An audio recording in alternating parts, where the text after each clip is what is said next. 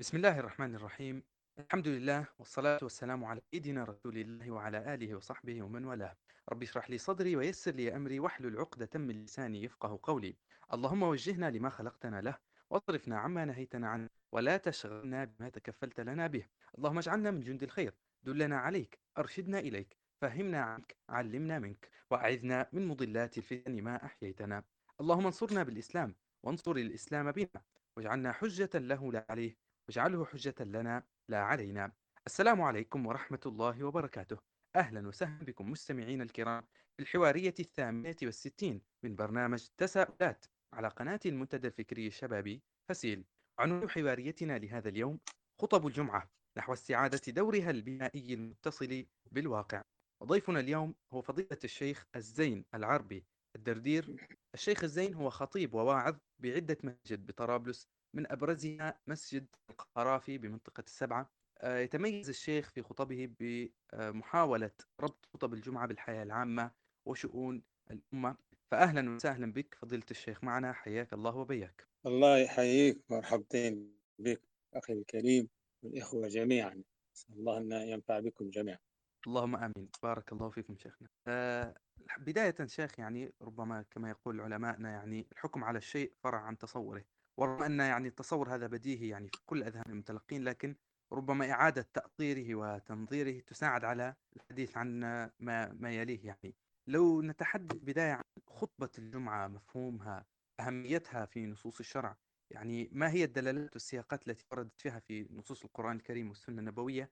حتى نستطيع بعد ذلك آه، ربط ذلك بأهميتها ومحاولة استعادة دورها البنائي.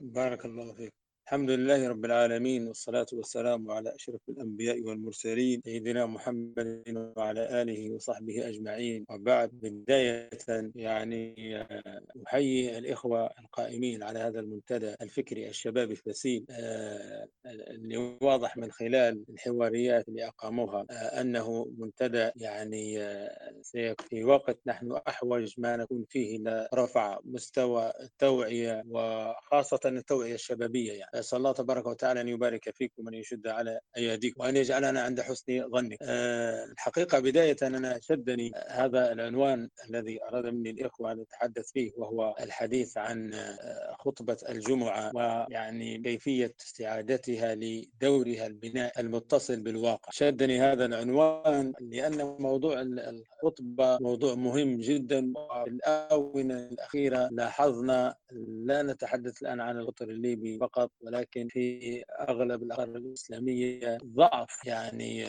أداء الخطابي وهذا لأشياء كثيرة جدا مما يجعل هذا العنوان وكل العناوين ذات العلاقة بهذا الموضوع مهمة للغاية وهي تحتاج يعني أكثر من من الحوارية تحتاج إلى أمور أخرى كثيرة. فعنوان وفق الصلاة تبارك وتعالى أن يعينني ويوم الجمعة والنبي صلى الله عليه وسلم يعني حبب المسلمين في يوم الجمعة. وجعله عيدا عليه الصلاة والسلام وبين في في في أكثر من حديث. تمام. فيوم الجمعة يوم مميز ويوم مبارك وهو كما قال عليه الصلاة والسلام خير يوم طلعت فيه الشمس. وهذا الحديث عند مسلم. وقال عليه الصلاة والسلام فيه خلق آدم فيه أدخل الجنة وفيه أخرج منها وفيه النفخة وفيه الصعقة. وفي حديث آخر أن يوم الجمعة فيه ساعة الإجابة. وفي القرآن الكريم سورة مسماة بسورة الجمعة. لم نسمع يعني لا, لا يوجد آه، لأيام الأسبوع الأخرى سورة في القرآن الكريم تشير إليها. كل هذه روابط تحبب المسلمين في الجمعة. آه، أنا أعتبر أن هذه الأمور كلها تبين أهمية صلاة الجمعة ويعني تجعل المسلم مستعد نفسيا وروحيا لتلقي المعلومات الدينية وتلقي الوعي.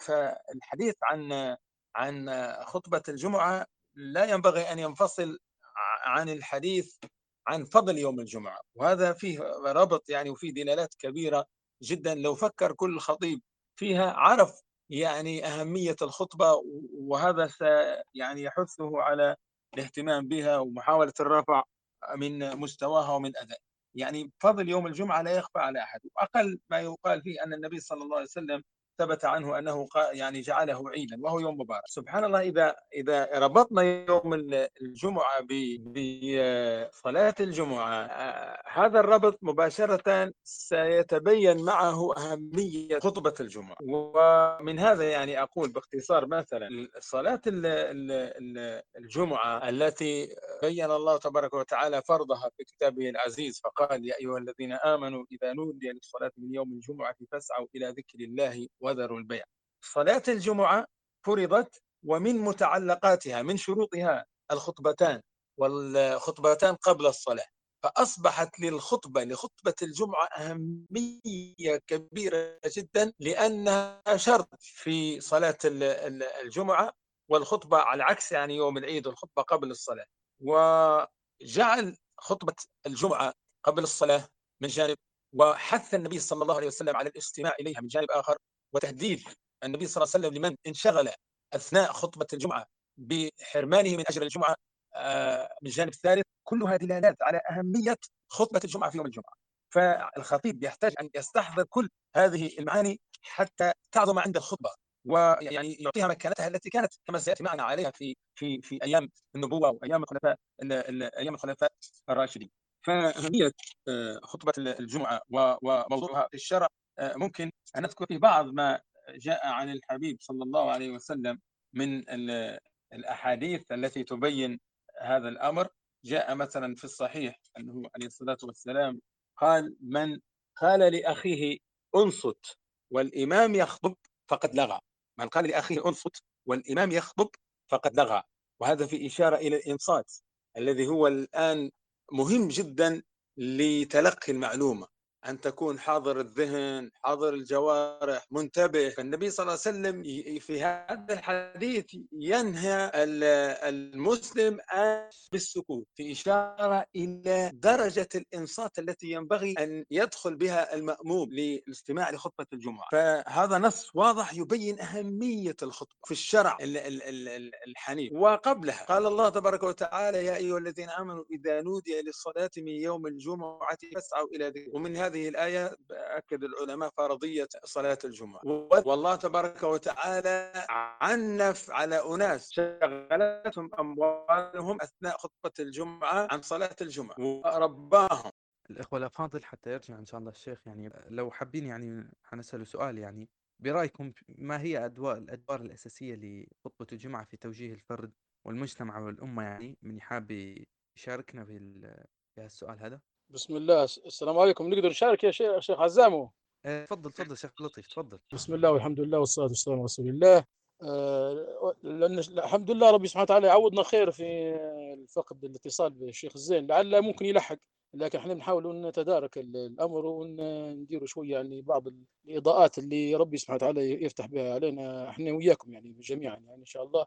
بحيث إن نقول نتشاور في موضوع الجمعة باعتبارنا يعني تهمنا الجمعة من جهتين جهة إن إحنا آه، بالنسبة لحضر بالنسبة لي أنا شخصيا كخطيب وتهم المستمعين كناس اللي هي تحضر في الخطبة فيهمها الموضوع فهو موضوع مشترك والهم إن شاء الله يكون مشترك. وبالتالي آه، يعني نقدر نتحاوروا في القصة هذه. يعني ليش خطبة الجمعة آه، وضعها بهذه الطريقة؟ أو هل هي المفروض تكون أحسن من هيك أو هو هذا الوضع اللي المفروض يكون عليه؟ هذا اللي المفروض يكون عليه الحوار. إلى أن يأتي الشيخ الزين فبعدين ننسحبه. آه، الأمر اللي نبي نحطه في الاعتبار في بداية الكلام هو آه، حسب ما أعلم أنا إن خطبة الجمعة هي آه، أحد الوسائل إحدى الوسائل التي يعني أراد الإسلام بها أن يعني يطيل أو يديم بقاء المسلمين على حالة من الذكر لأن الإنسان تصيبه حالة من من الفتور يعني هو يعرف الخير ويعرف آه، يعرف آه، طريقه ويعرف الشر ويعرف كيف يجتنبه. لكن آه، إشكالية إشكالية المسلم هي أنه يفقد عزمه وينسى. ولهذا قال ربنا سبحانه وتعالى ولقد عاهدنا إلى آدم من قبل فنسي ولم نجد له عزما. فهو عنده مشكلتين مشكلة النسيان التي توقعه في في المخالفات وفقد العزيمة فقد العزيمة أيضا يوقعه في المخالفات. الجمعة آه، يعني آه، لعل الشارع يعني شرعها لتحقيق هذين المقصدين وهو أو علاج هذين المشكلتين. وهو بقاء الإنسان على حالة من الذكر إحياء الذكر في نفسه يعني أن نرجع له حالة الذكر يعني ذكره لله واستحضاره لأنه في مهمة العبودية لله. باي. والأمر الثاني وهو اختلاطه بالناس يوم الجمعة يشد من عزمه لأن الضعف نتيجته البعد عن الإخوة الأخوة الإيمانية وال وهذا الاجتماع اللي فيه اللي فيه التواصي بالحق والتواصي بالخير. فالجمعة تعالج مشكل المشكلة اللي في الإنسان وهي أنه ينسى كثيرا فيغفل فيقع في المعصية أو في فتفتر همته عن الطاعة. وفي الجهة الأخرى هو يفقد عزيمته بسبب بسبب أنه يجد نفسه في بعض الأحيان غريب عن هذه يعني هو في الطاعة غريب. لكن لما يلتقي بإخوته المسلمين في الجمعة ويسمع الخطيب يتكلم في شيء من الآخرة ويحث على الخير وحوله إخوته من المصلين مع بعضهم يشد يشدون عزم بعضهم بعضا. فالجمعة هو لقاء للشحن. يعني كانوا كانوا بنقولوا باللغة باللغة البسيطة المعاصرة نقول هو لقاء تشحن به بطارية إرادتك في سعيك إلى مرضاة مولاك عز وجل. شيخ لطيف. تفضل يا شيخ تفضل. الشيخ زين حليم مش عارف يسمع فينا ولا الصوت واضح عنده؟ نسمع. أنا نسمع إذا كان تسمع فيها نكمل. تمام نحن كنا نتحدث عن أهمية خطبة الجمعة في نصوص الشرع وهو أصلا يوم الجمعة يعني عند المسلمين له أحكام خاصة وخطبة الجمعة يعني مميزة عند المسلمين لأن الشارع الحكيم يعني فرض حضورها وربط أجرها ب... ب... وجعلها من شروط صحة صلاة الجمعة. ولحتى تكون عندها مكانتها الحقيقية وتحقق مقاصدها مقاصد الخطبة. لأن الخطبة هي أحد الوسائل اللي كانت مثلا تستعمل فيها العرب لتوضيح الفكرة وتبيين الطلب. حتى تحقق مقصدها تحتاج إلى إنصات. ولهذا الشارع الحكيم جعل الإنصات مهم في الخطبة. وردت أحاديث كثيرة يعني تجعل أجر الجمعة يحبط ويصبح له بمجرد يعني الحديث حتى إن الإمام مالك أو عند المالكية مس الحصى مس الحصى يذهب يعني أجر أجر الجمعة. ف ف فاهميه خطبة الجمعة متعلقة بالصلاة وأن الله تبارك وتعالى يعني وأن الشارع الحكيم جعلها يعني من شروط صلاة الجمعة كما هو معروف في الفقه أن يتقدمها خطبتان وبهذا الخطبة لازمه فيها والإتيان بها متعين. وأيضا حضور الحضور لاداء صلاة الجمعة وسماع الخطبتين عند يعني كثير من المذاهب واجب أوجبوه سماع الخطبتين واجب في دليل قول الله تبارك وتعالى يا أيها الذين آمنوا إذا نودي للصلاة من يوم الجمعة فاسعوا إلى ذكر الله وذروا البيع. من الأشياء اللي ممكن تذكر في ال ال ال هذا الموضوع هو أن حالة المسلم عند خطبة الجمعة كحالته في الصلاة. يعني أصبح مضبوط ممنوع الكلام في الصلاة وممنوع الكلام في الخطبة. فهذه بعض الأحاديث التي لا أريد أن أطيل في هذا في هذا البند لكن بعض الأحاديث التي تبين أهمية الجمعة في الشرع وهو عيد للمسلمين و و ومطالبين بحضور الجمعة والتبكير لها والتهيؤ لها التهيؤ النفسي وحتى التهيؤ البدني بلبس أحسن الثياب الاغتسال قبل صلاة الجمعة اغتسال قبل صلاة الجمعة. وأيضا النبي صلى الله عليه وسلم ثبت عنا أنه قال من تخلف عن ثلاث جمع بدون عذر طبع بطابع النفاق. هذه أشياء تجعل لخطبة الجمعة أهميتها وقيمتها الخاصة من بين أنواع الخطب الأخرى اللي يمكن تذكر. هذا هذا يتعلق بهذا الموضوع. تمام بارك فيك شيخنا. حقيقة يعني جدت في الأمر. هذا هناك أمر طبعا يعني بما أن نتحدث عن خطبة الجمعة وأهميتها الإسلام سيجرنا أصلا إلى الحديث عن خطب النبي صلى الله عليه وسلم. لا شك أنه في خلال بعثة النبي صلى الله عليه وسلم ونبوته ورسالته كان هو صاحب المنبر وكان هو الذي يعني يخطب بالمؤمنين والصحابة رضي الله عنهم. كان هو الذي يوجههم. ويعني لا يخفى على كل ذي عاقل أننا إن أردنا أن نعود بالمنبر بخطبة الجمعة إلى دورها الأساسي فليس لنا بديل عن التأسي بخطب النبي صلى الله عليه وسلم. وهذا يستدعي أن نتساءل يعني عن طبيعة خطب النبي صلى الله عليه وسلم وخصائصها وما الذي كان يميزها عن غيرها وكيف يعني كان وقعها على الصحابة رضي الله عنهم. نعم هو أصلا سبحان الله يعني موضوع خطبة الجمعة لو أن الخطباء تأملوا في خطب النبي صلى الله عليه وسلم وحاولوا يحللوا يعني يحللوها ويحللوا واقعيتها لأستطاعوا أن يرقوا بمستوى يعني الخطب بشكل كبير جدا. هو قلت أنا سابقا أن الخطبة الخطبة هي أحد الوسائل التي كانت العرب تعبر بها عن الأفكار تعبر بها يعني عن المطالب. كان يعني الأمور اللي عبروا بها كانت كثيرة. كان من اشهر من اشهرها الخطبة والشعر. أما الشعر فقد يعني نزه الله النبي صلى الله عليه وسلم على أن يقول الشعر حفاظا على القرآن الكريم.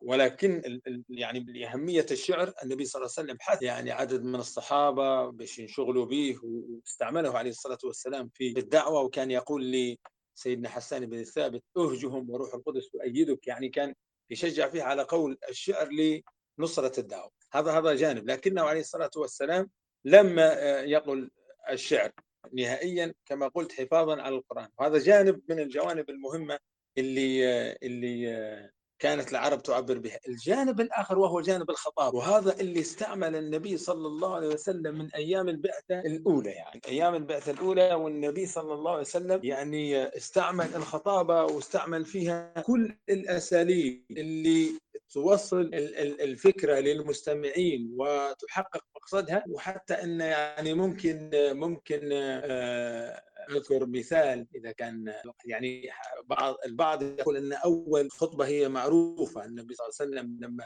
أنزل عليه قول الله تبارك وتعالى وأنذر عشيرتك الأقربين. آه، دعا قومه وقال لهم ما نصه يعني. الحمد لله أحمده وأستعينه وأؤمن به وأتوكل عليه. أشهد أن لا إله إلا الله وحده لا شريك له. ثم قال عليه الصلاة والسلام إن الرائد لا يكذب أهله. والله الذي لا إله إلا هو.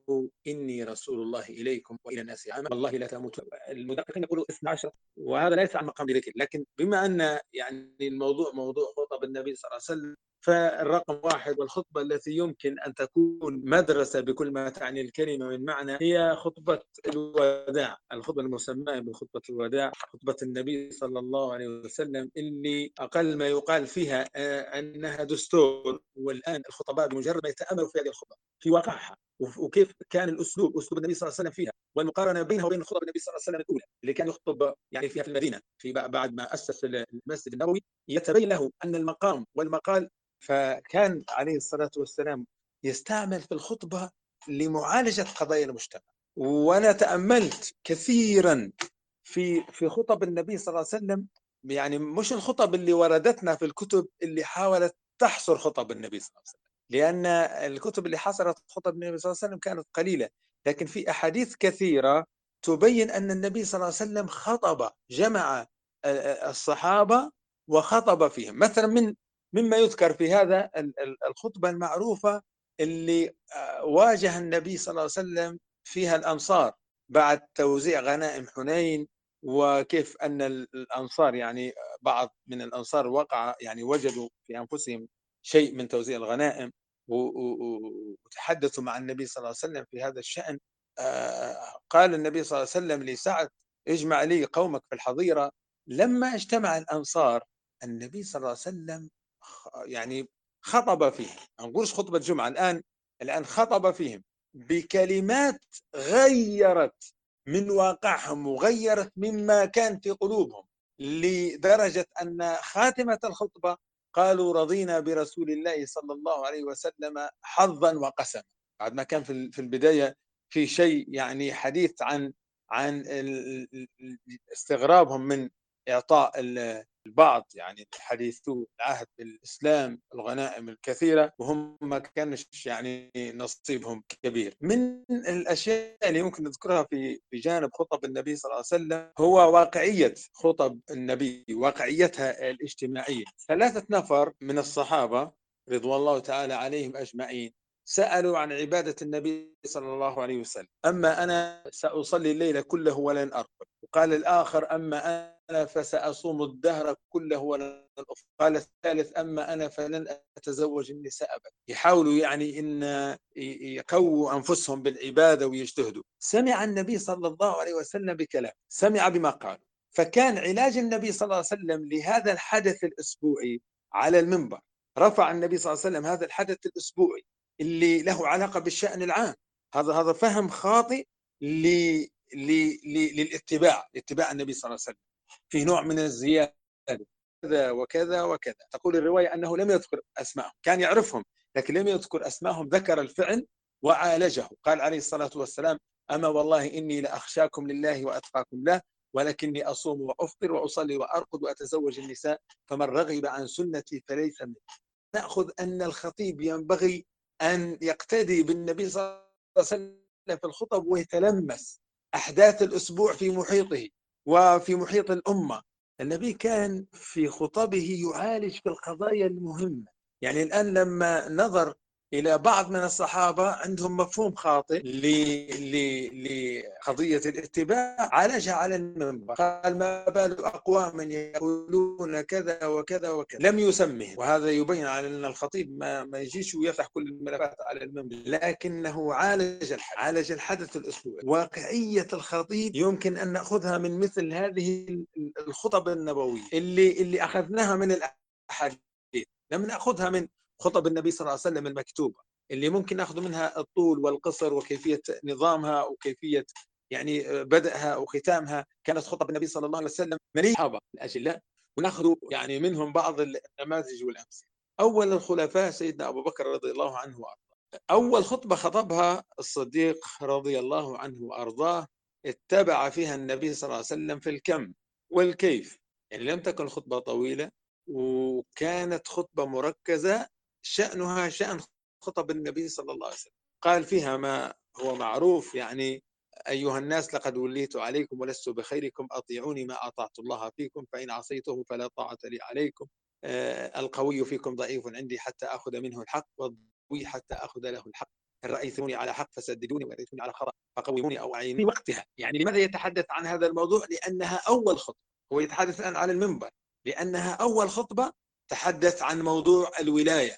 وموضوع علاقته ب ب ب ب بالناس وكيف ينظروا له وقد ينظر كيف يتعاملون معه وقد تحول من كونه شخص عادي إلى خليفه هذه المعاني وضعها على المنبر وهو حدث الأسبوع. لو تجي تشوف حدث الأسبوع في ذلك الوقت هو انتقال الخلافة يعني استلام قيادة الأمة من النبي صلى الله عليه وسلم للخليفة الأول الصديق رضي الله عنه وأرضاه. فكان موفق في هذه الخطبه فمن هذا أقول أن أن خطب النبي صلى الله عليه وسلم امتازت بالقصر امتازت بملئها بالآيات القرآنية كانت واضحة فيها الواقعية واقعية المواضيع ووضوحها. كان النبي صلى الله عليه وسلم لما يعالج الموضوع يكون تكون معالجته للموضوع واضحة.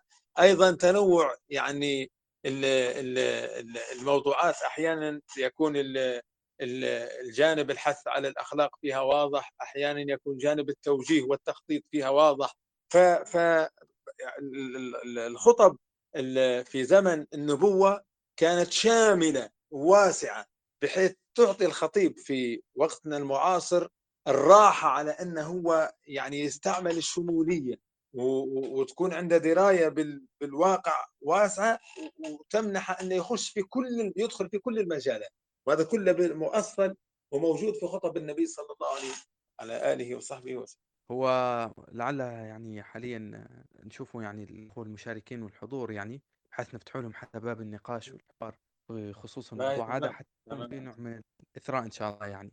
بالنسبة لي في نقطة أنا أظن أنها يعني ذات أهمية في الموضوع هذا خلينا نستفيد من الشيخ الزين فيما هو مسموح بما بسماعه من عند الله وكل بإذن الله فيما يتعلق بخطب سيدنا النبي صلى الله عليه وسلم. نحن لا نقول نقول إن النبي صلى الله عليه وسلم خطب في في أمر ما واقعي هذا الأمر. لكن نريد أن نعرف أيضا هل النبي صلى الله عليه وسلم هو صلى الله عليه صلى الله عليه كان يعتمد على خطبة الجمعة لوحدها في تربية الناس وتزكيتهم وتعليمهم؟ يعني أنا أظن أن إذا قلنا أن الخطيب هو الآن نائب عن رسول الله صلى الله عليه وسلم فينبغي أن نقول له ينبغي لك أن تنوب عنه أيضا في الشارع لأن الموعظة آه، والأمر بالمعروف ليس له موعد. ولهذا كانوا الصحابة يقولون كان رسول الله صلى الله عليه وسلم يتخول يتخولنا بالمعصية حتى مخافة السآمة يعني حتى ما يكونش فيه سآمة. فكان النبي صلى الله عليه وسلم يجعل موعظة في أوقات آه، متفرقة. فهذا يدل على أن النبي صلى الله عليه وسلم لم يكن آه، موضوع الخطبة فقط فقط هو الأمر الوحيد. وأيضا نضيف إلى ذلك أنه أن الإسلام علمنا ورسول الله صلى الله عليه وسلم يعلم الصحابة الموضوع الأمر بالمعروف والنهي عن المنكر وهذا آه، يعني يعني حصل في زمن النبي صلى الله عليه وسلم ترفع إليه المسائل بعد حوار بين صحابي وآخر أحدهما يعلم الآخر وقصة سلمان المشهورة التي فيها أنه دخل إلى بيت أبي الدرداء ووجده يعني يعني وجد أم الدرداء في حالة لا يرثى لها أبو الدرداء منصرف إلى الآخرة ويتعبد فقال له لنفسك عليك حق. إلى آخر الحديث فجاء أبو الدرداء فرفع المسألة إلى النبي صلى الله عليه وسلم فأجاب بمثل بما مثل ما أجاب سلمان. هذا يدل على أن الصحابة كانوا أيضا يشتغلون بالوعظ والأمر بالمعروف والنهي عن المنكر. يعني أنت الآن الخطبة هي جزء جزء من أجزاء كثيرة آه، فيها تذكير فيها موعظة فالاعتماد على الخطبة لوحدها هذا يعني يحمل الخطبة أكثر مما هي هي ربع ساعة في النهاية أو ثلث ساعة. فأرجو من الشيخ يعاقب على هذا الأمر وجزاه الله خيرا. تمام صحيح. أنا يعني كلام واضح وفعلا هي هو هو أصلا أصلا الجانب العملي بالنسبة للخطيب آه، حينعكس على خطبته. و... و... ويقال ينبغي للخطيب أن ترى خطبته عليه قبل أن تسمع منه.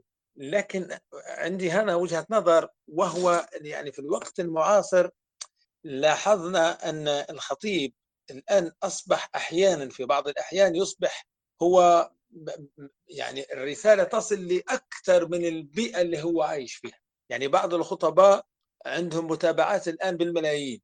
هو مطالب بأن يختار عنوان يعني يركز على قضية معينة من قضايا مثلا الساحة في الأمة ويحاول أن يضع فيها الخطوط العريضة اللي تساعد الناس على المشي في في في المسارات الواضحة من بين يعني الضباب اللي صاير. فجانب خطبة الجمعة وتحديد عنوانها وتحديد ال ال ال ال ال الكلام اللي فيها أعتقد الآن أصبحت اهميته أكبر بكثير. وجانب موضوع اللي هو اللي هو جوانب الدعوة الأخرى اللي يمكن يمثلها الخطيب في محيطه فهذه جوانب جزئية ممكن نتحدث عنها في صفات الخطيب. يعني صفات الخطيب وأخلاق الخطيب وأمور الخطيب الأخرى ينبغي يعني حتى مثلا جانب جانب الحث على الأخلاق أخلاقيات المجتمع. الخطيب يتحدث بخطوط عريضة وهذا كذا وهكذا كان النبي صلى الله عليه وسلم يتحدث بخطوط العريضة. وكان واقعه في الحياة هو معالجة حقيقية لهذه القضايا اللي حث عليها على المنبر بجانب عام. فكان يتحدث مع الشاب ويبين له الأشياء التي إن فعلها يستطيع أن يعني يحصن فرجه وكان على المنبر ينبه على أهمية تحصين الفروج. هذه هذه هذه الصورة المتكاملة للخطيب. لكن لما نتحدث عن خطبة الجمعة فقط يعني بوصفها عنوان الأسبوع. بالنسبة للمسجد أعتقد أنها يحتاج كل خطيب أن يعني يكون عنده دراية واطلاع واسع جدا بالمحيط اللي هو فيه في واقع الأمة بحيث أنه يحسن اختيار العنوان واختيار الخطب واليوم اختيار العنوان أصعب عشرات المرات من اختيار الخطبة يعني بعض الخطباء اللي أعرفهم وأتواصل معهم يقولون بأن الإشكالية الكبرى اللي تقع في موضوع خطبة الجمعة هو اختيار العنوان يعني بعض الخطباء يقول أنا في حدث واضح. يقول لما أنا نحاول نوصف الحدث هذا في خطبة الجمعة يغلق علي ما عادش نعرف كيف نخش فيه كيف نختار له عنوان. فموضوع عنوان الخطبة وواكبتها للواقع هذا أمر مهم جدا وأنا نأيد فعلا موضوع موضوع الجوانب الدعوية الأخرى. لكن هذا فيه أشعر إنه في الوقت المعاصر أصبح في فصل ما بين ما بين الخطبة وما بين البرامج الدعوية اللي يقوم بها ممكن يقوم بها الخطيب. والله أعلم يعني. بارك الله فيك شيخ الزين وبارك الله في الشيخ عبد اللطيف. آه، يعني تو بعد ما يعرف الإنسان يعني خطب النبي صلى الله عليه وسلم وخصائصها ويقارن ذلك بالواقع يعني يجد بو كما يقال بون شاسع يعني ويلاحظ بقوة تراجع يعني دور الخطب ودور كثير من الخطباء يعني الإنسان. حتى ينصف ولا يعمم دور كثير من الخطب وكثير من الخطباء يعني يتراجع دورهم الفعال في الواقع بل ربما يصبح دورهم من الفعال من الفعالية الإيجابية إلى الفعالية السلبية.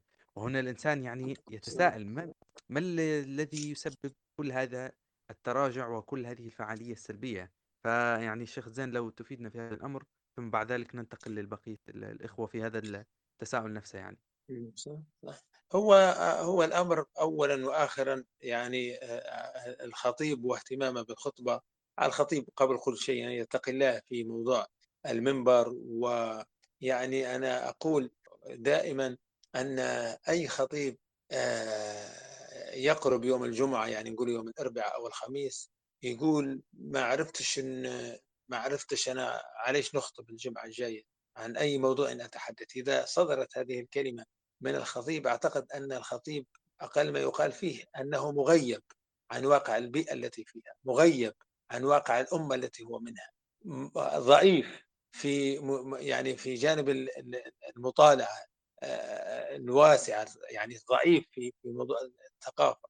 يعني هذه هذا هذا السؤال يعكس حالة حالة عدم عدم يعني القوة والقدرة الحقيقية لقيادته. وهو أول سبب يعني يطلب الخطيب من أجل على أنه يترك هذا هذه هذه المهمة حتى يكون أهلا لها يعني من جاء بالسلبية للخطبة جاء يعني خلينا من من الخطيب اللي هو يحتاج تقوية ويحتاج يعني إن تكون عنده دراية شوي بفن الإلقاء والتقديم والتأخير وترتيب عناصر الخطبة هذا موضوع.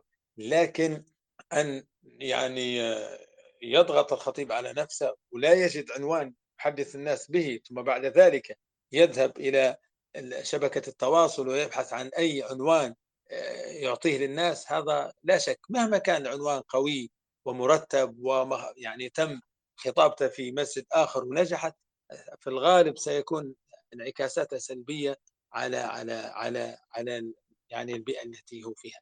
لأن الخطيب إذا جاء إلى الناس وهو حامل هم الدعوة وعنده عنوان في صدره يريد أن يخرج ما في صدره ويبينه للناس.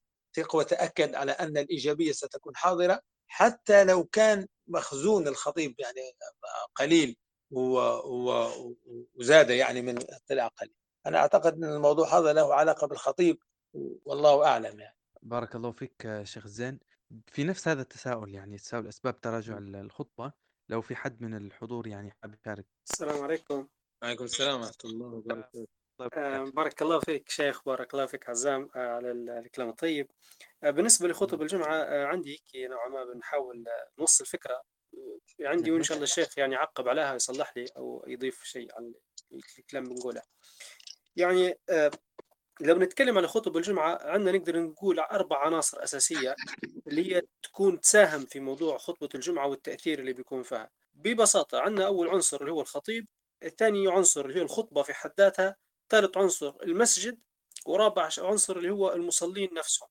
حنتكلم نبدأ بآخر حاجة اللي هم المصلين ودورهم في موضوع الخطبة. أعتقد من الأشياء اللي لاحظتها اللي هي اللامبالاة عند بعض المصلين مش حنعمم طبعا أنا لكن ظاهرا نشوفها من وجهة نظري إن المصلين السلوك اللي يبين علي أنهم يتعاملوا مع الجمعة كأنه حاجة نبوا نديروها وتمت وخلاص. يعني هو يلبس صح ويمشي ويتعطر وكذا واخذ الأمور هذه كلها لكن هو ماشي خطبه الجمعة يقول لك بنسمع اللي بنسمعه وبنروح. ما يتفاعلش بشكل إيجابي مع الخطبة سواء كانت الخطبة فعلا تؤدي الغرض أو ما تؤديش الغرض. يعني هو ما يقدمش بلغة نقول إحنا الآن الأعمال ولغة الشغل ما يقدمش في فيدباك ما يقدمش في تغذية راجعة ما يقولش والله الخطبة دي عجبتني ما عجبتنيش آه مثلا مش هو مش معناته بيحكم عليها بشكل ظاهر لكن المفروض على الأقل يبين الصوت يقول والله الخطبة هذه فعلا كانت مؤثرة كذا في الموضوع عالجت إشكالية زي ما قال الشيخ تمس الواقع أو مرات يقول علاش الخطبة هذه ما ليش علاقة بالواقع. يعني صوت الناس مش باين مرات. يعني يصلوا ويروحوا لا قيم المسجد. وهذا حنتكلم عليه. مرات عنده دراية بش صاير ولا الخطيب. فالخطيب يتم الصلاة السلام عليكم السلام عليكم ياخذ بعضه ويروح والمصلين يروحوا. التواصل مرات ما يكونش موجود ما بين الناس. يعني في نوع من الخجل في نوع من ما عرفتش كيف نسميه. يعني في هيبة هيك نوعا ما تدع الناس ما عادش قادرة تعبر على رأيها. في وتعليقها على الخطب الجمعة وهذا أمر مهم جدا في في جانب التحسين. النقطة الثانية اللي هي العنصر الثاني هو المسجد في حد ذاته وهنا بنركز على دور القيم بتاع المسجد. اللي هو نوعا ما نقول إحنا المدير بتاع المسجد هذا المنظم اللي هو إيه، خاصة مثلا في دول الغرب وغيرها تلقاه هو اللي ينظم في مواقيت الصلاة إيه، يعني يهتم بشؤون المصلين والشين صاير في المسجد. فهذو نوع من نوع ما يديروا عملية إدارة تنظيم للخطباء يعني الجمعة لأن مرات الخطيب يصير له ظرف يغيب يصير له ديما يكون عنده يعني خطة لهذا الأمر بحيث أنه ما يخليش المصلين في ربكة.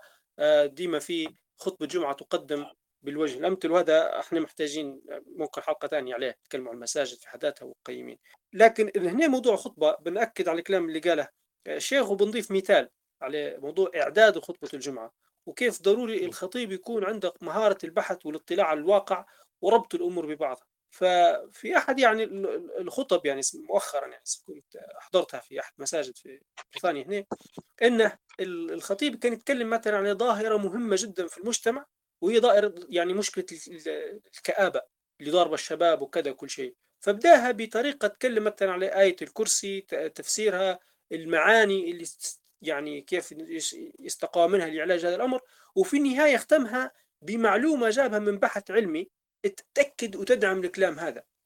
فهنا المعلومة لما ضافها في الأخير إن المصلين كلهم انتبهوا.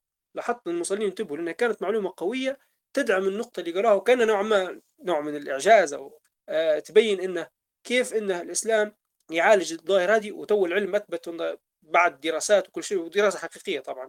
أنه مثلا نقول مضادات الاكتئاب ما لهاش علاقة بموضوع الهرمونات وغيرها. يعني الاكتئاب شيء روحي.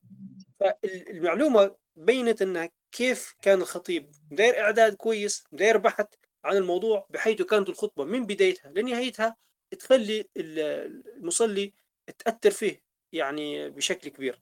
فهذه من الأشياء اللي محتاجين آه، يركزوا عليها. والخطيب كذلك إذا كان حتى هو مثلا نقول يتعامل مع خطبة الجمعة بنوع من مش عطيها أهمية كبيرة يعني يعدها ممكن في اليوم الأخير ولا ينزلها من النت يفتحها كملف وينزله ويقرأه. فهنا يحتاج مشكلة كبيرة. فهذا اللي حبيت نقوله ومش عارف هو ممكن في كلام متكرر لكن بارك نتمنى نسمع رأي الشيخ. بارك الله فيك. الله يبارك فيك ما شاء الله. يعني ما عندي ما نعلق عليك. لكن هو النقطة الأولى نقطة ال يعني ما وصفت حضرتك باللامبالاة من المصلين. أعتقد أن الخطيب لازم ينظر إلى أن إلى أن التأثير في المستمعين آه، مسؤولية الخطيب الأولى والأخيرة الشرع الحكيم أتى بالمصلين لخطبة الجمعة وألزمهم الاستماع والإنصات. يعني هم الآن بحكم يعني بالأحكام الشرعية والفقهية لخطبة الجمعة مطالبين أن يستمعوا للخطيب. وشأن الاستماع زي ما قلت في الأول هو شأن الصلاة. فما دام يعني كون حضور المصلين والاستماع لازم هذا يتطلب من الخطيب الاهتمام البالغ والعناية التامة بخطبته. لازم يكون هو قدر المسؤولية. واثق وتأكد مهما كان مهما كان يعني آه، قوة لا مبالاة المصلين يستطيع الخطيب أن يؤثر فيهم وأن يوصلهم الفكرة. لكن هذا هذا يحتاج مهارات. يعني الخطيب يفترض إذا كان هو على مستوى عالي جدا من من القدرات يعرف يعني مستوى تأثير الخطبة وهو أثناء إلقائها. التركيز وعدم التركيز وإذا كان هو ممل ولا مش ممل وإذا كان هو أطال ولا ما أطالش وإذا كان يعني هذا الخطيب هذه هذه بالمهارات. فموضوع لا مبالاة المصلين هذه ترجع للخطيب. يستطيع مهما كان وهذه هذه عن تجربة مهما كان المستمعين يعني ما عندهمش أهمية لخطبة الجمعة حتى يقول لي معنا بالمثال مثلا يقول لي أحد الأصدقاء يعتبره يعني من الخطباء المفوهين واللي واللي يعني يحاول يبسط موضوع الخطاب. هذا وهذا على فكرة جانب مهم لازم للخطيب لأن الخطبة فيها رهبة. يعني مهما كانت خبرة الخطيب الخطبة لها رهبة والرهبة هذه اراه تجعل الخطيب يتحدث أحيانا بنبرة ليست نبرة صوته وبتعبيرات ليست تعبيراته. هذه فيها إشكالية لكن لازم الخطيب يضغط على نفسه ويبسط الموضوع لدرجة أنه يتابع المستمعين بعينيه وينظر في في الكلمات اللي اللي اللي تخرج منه ويحطهم في أجواء ما يريد أن يضعهم يقول لي احد الأصدقاء اللي أعتبره من الخطباء المفوهين يقول لي أنا كلفت بالخطابة لمدة معينة في مسجد. قالوا بأن الثلث الأخير من المسجد أشخاص هذول لا علاقة لهم يعني بالخطبة. يجوا وأحيانا يبدوا يتحدثوا مع بعض. فقال جعلت يعني زي ما نقول شغلي الشاغل على إيصال الرسالة للأشخاص الموجودين في المكان. ففي أحد الخطب آه، تحدث عن موضوع وعل فيه جانب القصص والحكايات. قال فنظرت إليهم فوجدت انتباه كامل انتباه كامل. قال فقطعت كلامي وقلت هذا المستوى من الانتباه وهذا المستوى من التركيز هو المطلوب الشرعي منا نحن جميعا في في في باب الإنصات في خطبه أنت مطالب شرعا أن تنصت خطبه الجمعة زي الآن ما تنصت للخبر هذا بشيء وقال ما كملتاش قصدا حولتها للجمعه الأخرى. لكن بعث رسالة وحطهم في الصورة على أن الإهمال اللي اللي اللي عند بعض المصلين وعدم تقديرهم لهالشعيره هذه والأحاديث اللي جاءت فيها. فيرجع الموضوع موضوع تأثير في المأمومين أو في المستمعين من من الخطيب. والأمور الأخرى زي ما ذكرت حضرتك واضحة جدا يعني موضوع القيم يعني قيم المسجد والإعداد الجيد من الخطيب هذه أمور مهمة يعني فيه. بارك الله فيك عبد الرحمن وبارك الله في الشيخ الزين آه، طبعا لا شك يعني الإنسان لما يعرف آه، أسباب التدهور وأسباب التراجع سيندفع بشكل طبيعي السعي في التغيير وفي تحسين واقع الخطيب وواقع الخطبة فهنا يعني نتساءل كيف نعد الخطيب المتميز والمؤثر والفعال في نفس الوقت كيف يعد هذا الخطيب خطبة جمعة ناجحة ومؤثرة. فالسؤال يعني تمحور حول كيف نعد الخطبة الناجحة وكيف نخرج خطباء متميزين. تمام. تمام. أنا أنا أجيب لكن حتى أترك حتى الإخوة إذا كان عندهم مشاركة ممكن. لكن أنا نحاول أجيب عن هذا السؤال بعيدا عن الكتب اللي اللي ممكن قرأتها وطلعت عليها وتحدث عن هذا الجانب. لكن سأتحدث من من جانب خاص. سأتحدث من من من الجانب اللي اللي حاولت أن أجتهد فيه لموضوع الخطبة كيف كيف تكون الخطبة ناجحه أقول باختصار الخطبة اولا اولا لابد وأن ترتكز على آية من كتاب الله تبارك وتعالى. وهذه هذه عندي من المسلمات. لابد للخطبة أن ترتكز على آية من القرآن الكريم. أي موضوع تريد أن تتحدث عنه لابد وأن تدرك تماما أن القرآن الكريم تحدث فتنطلق الخطبة من كتاب الله تبارك وتعالى. وحبذا حبذا لو كان في الموضوع أكثر من آية وقام الخطيب بجمعها بجمع بعضها لبعض. وإذا كانت كثيرة يمكن يختصرها في ثلاث أربع آيات. ويكون عند فهم واضح لهذه الآيات ومدلولاتها. فهم واضح. وتقرأ يعني هذه الآيات على المنبر. قراءة صحيحة. تقرأ هذه الآيات على المنبر قراءة صحيحة. ثم يشرع في يعني شرحها. وأحيانا يشرح قبل أن يتلو الآية. وهذا له علاقة بالتأثيرات يعني في آية ممكن تشرحها بعد ما تتلوها وآية تتلوها قبل أن تشرحها. هذا الموضوع هذا المرتكز الأول. الشيء الآخر هو ال ال وجود يعني الأحاديث النبوية في أي خطبة جمعة ممكن. وهذا يمكن يعني الأمر يتعلق إلى السنة بمعناها الواسع لا أتحدث عن السنة القولية لكن بمعناها الواسع سواء كانت قولية أو فعلية أو حتى تقريرية.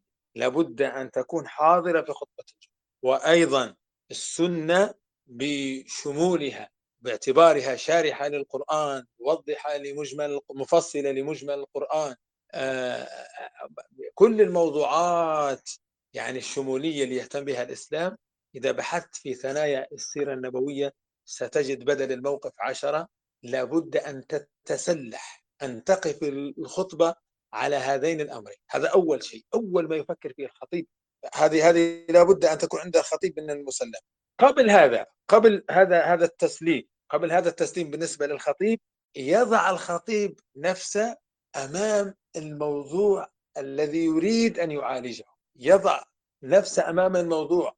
الذي يريد أن يعالجه ثم ينظر في ما هي النتائج السلبية مثلا اللي قام بها هذا الموضوع اللي هو يعالجه وحجم الكوارث اللي اللي قام بها الموضوع هذا اللي هو يبي كل هذا تركيز الخطيب على هذا الموضوع سيولد من داخله من داخله سيولد يعني أفكار وبرامج لعلاج هذا الموضوع. هذه الأفكار وهذه البرامج يعني يربطها بالكتاب ويربطها بالسنة ثم بعد ذلك تأتي مرحلة كتابة عناصر الخطبة ويعني ومسك الورقه والقلم وجمع الأفكار. يعني جمع هذا الأمر يجمع في ورقة. الأول الآية في في سورة كذا وقال فيها مثلا الشيخ الإمام الطابري وابن كثير أو القرطبي أو محمد طاهر بن عاشور يأتي للسيرة النبوية يقرأ في أكثر من كتاب. من كتب السيرة النبوية في القديم والحديث حتى الكتب المعاصرة يشوف زوايا الحدث هذا كيف عبر عنا كل من كتاب السيرة النبوية حتى تتسع مداركه في الموقف.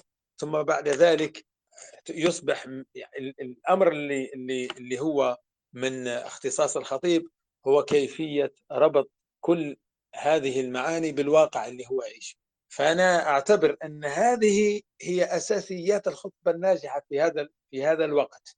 الالتزام بكتاب الله وبسنة النبي صلى الله عليه وسلم والبحث عن الإشكالية. وهنا الإشكالية أرى مش بمعنى الخطيب في محيطة يعني في في المنطقة اللي هو فيها. لا الخطيب بثقافته الواسعه حتى الخطيب الذي ينظر لقضايا الأمة لما يريد أن يتحدث عن قضية من قضايا الامه وهذا اذكر في خطبة من خطب الجمعة خطبتها في جامع القرافي على ما أعتقد كان عنوانها آه، أهمية مواقع التواصل الاجتماعي في نصرة قضايا الأمة. كان هيك كان هذا عنوان. هو هو المدخل لهذا العنوان أن فيه إشكالية.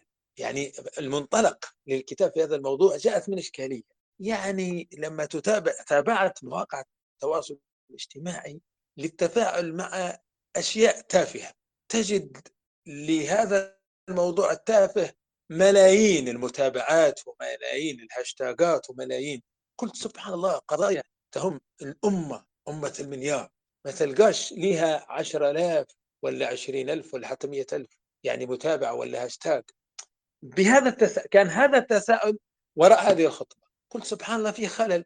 ما دام عدد الأمة مليار إذا نشوف كم عدد مستعملي مواقع التواصل الاجتماعي في أمة المليار. وسألت المتخصصين هذا هذا هذا هذا ما عنديش يعني فيه دراية. فاتصلت ببعض الأحباب المتخصصين في هذا المجال. قلت هل يمكن أن تخرج لي دراسة بالأرقام عن هذا الموضوع فأعطاني دراسة قال تبيها على مستوى الأمة فيه تبيها على مستوى القارة فيه تبيها على مستوى الدولة فيه بالأرقام. فأعطاني الأرقام كانت هذه أول الأشياء قضايا الأمة. الآن كيف تضع هذا الموضوع في في خطبة جمعة؟ آه، كان في ذلك الوقت قضية فلسطين ومتابعتها وفيه ضعف يعني للتفاعل آه، معها كانت حاضرة كانت هي سبب.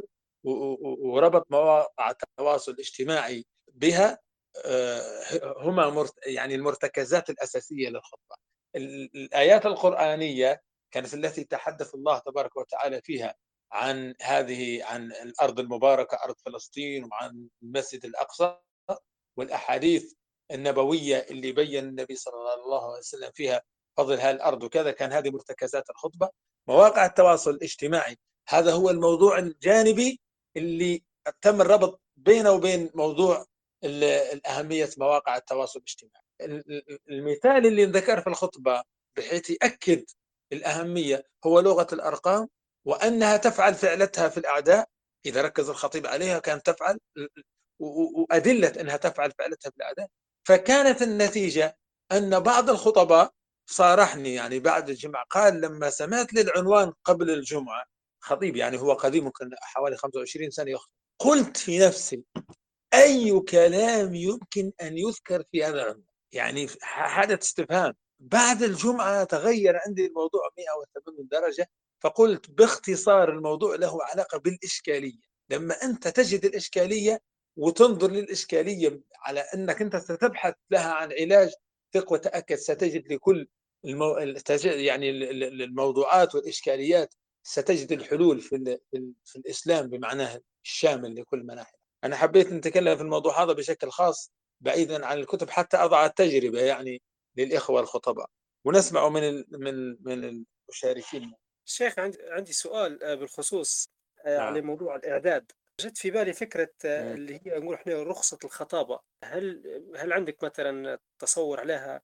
يعني مثلا تكون مثلا لهيئة معينة في ليبيا وتحاول تدير برنامج تدريبي كامل يعني لأهم المهارات نقول إحنا المعاصرة الآن اللي يحتاجها خطيب الجمعة الآن في موضوع إعداد البحث يعني نقول الأشياء اللي لا يسعى الخطيب جهلها. وبعد إتمام الدورة هذه والتأكد منه تعطى له رخصة ويكون معترف بها مثلا في المساجد في ليبيا عن طريق الأوقاف وغيرها بحيث أن هذا يقدموا للخطب في المساجد.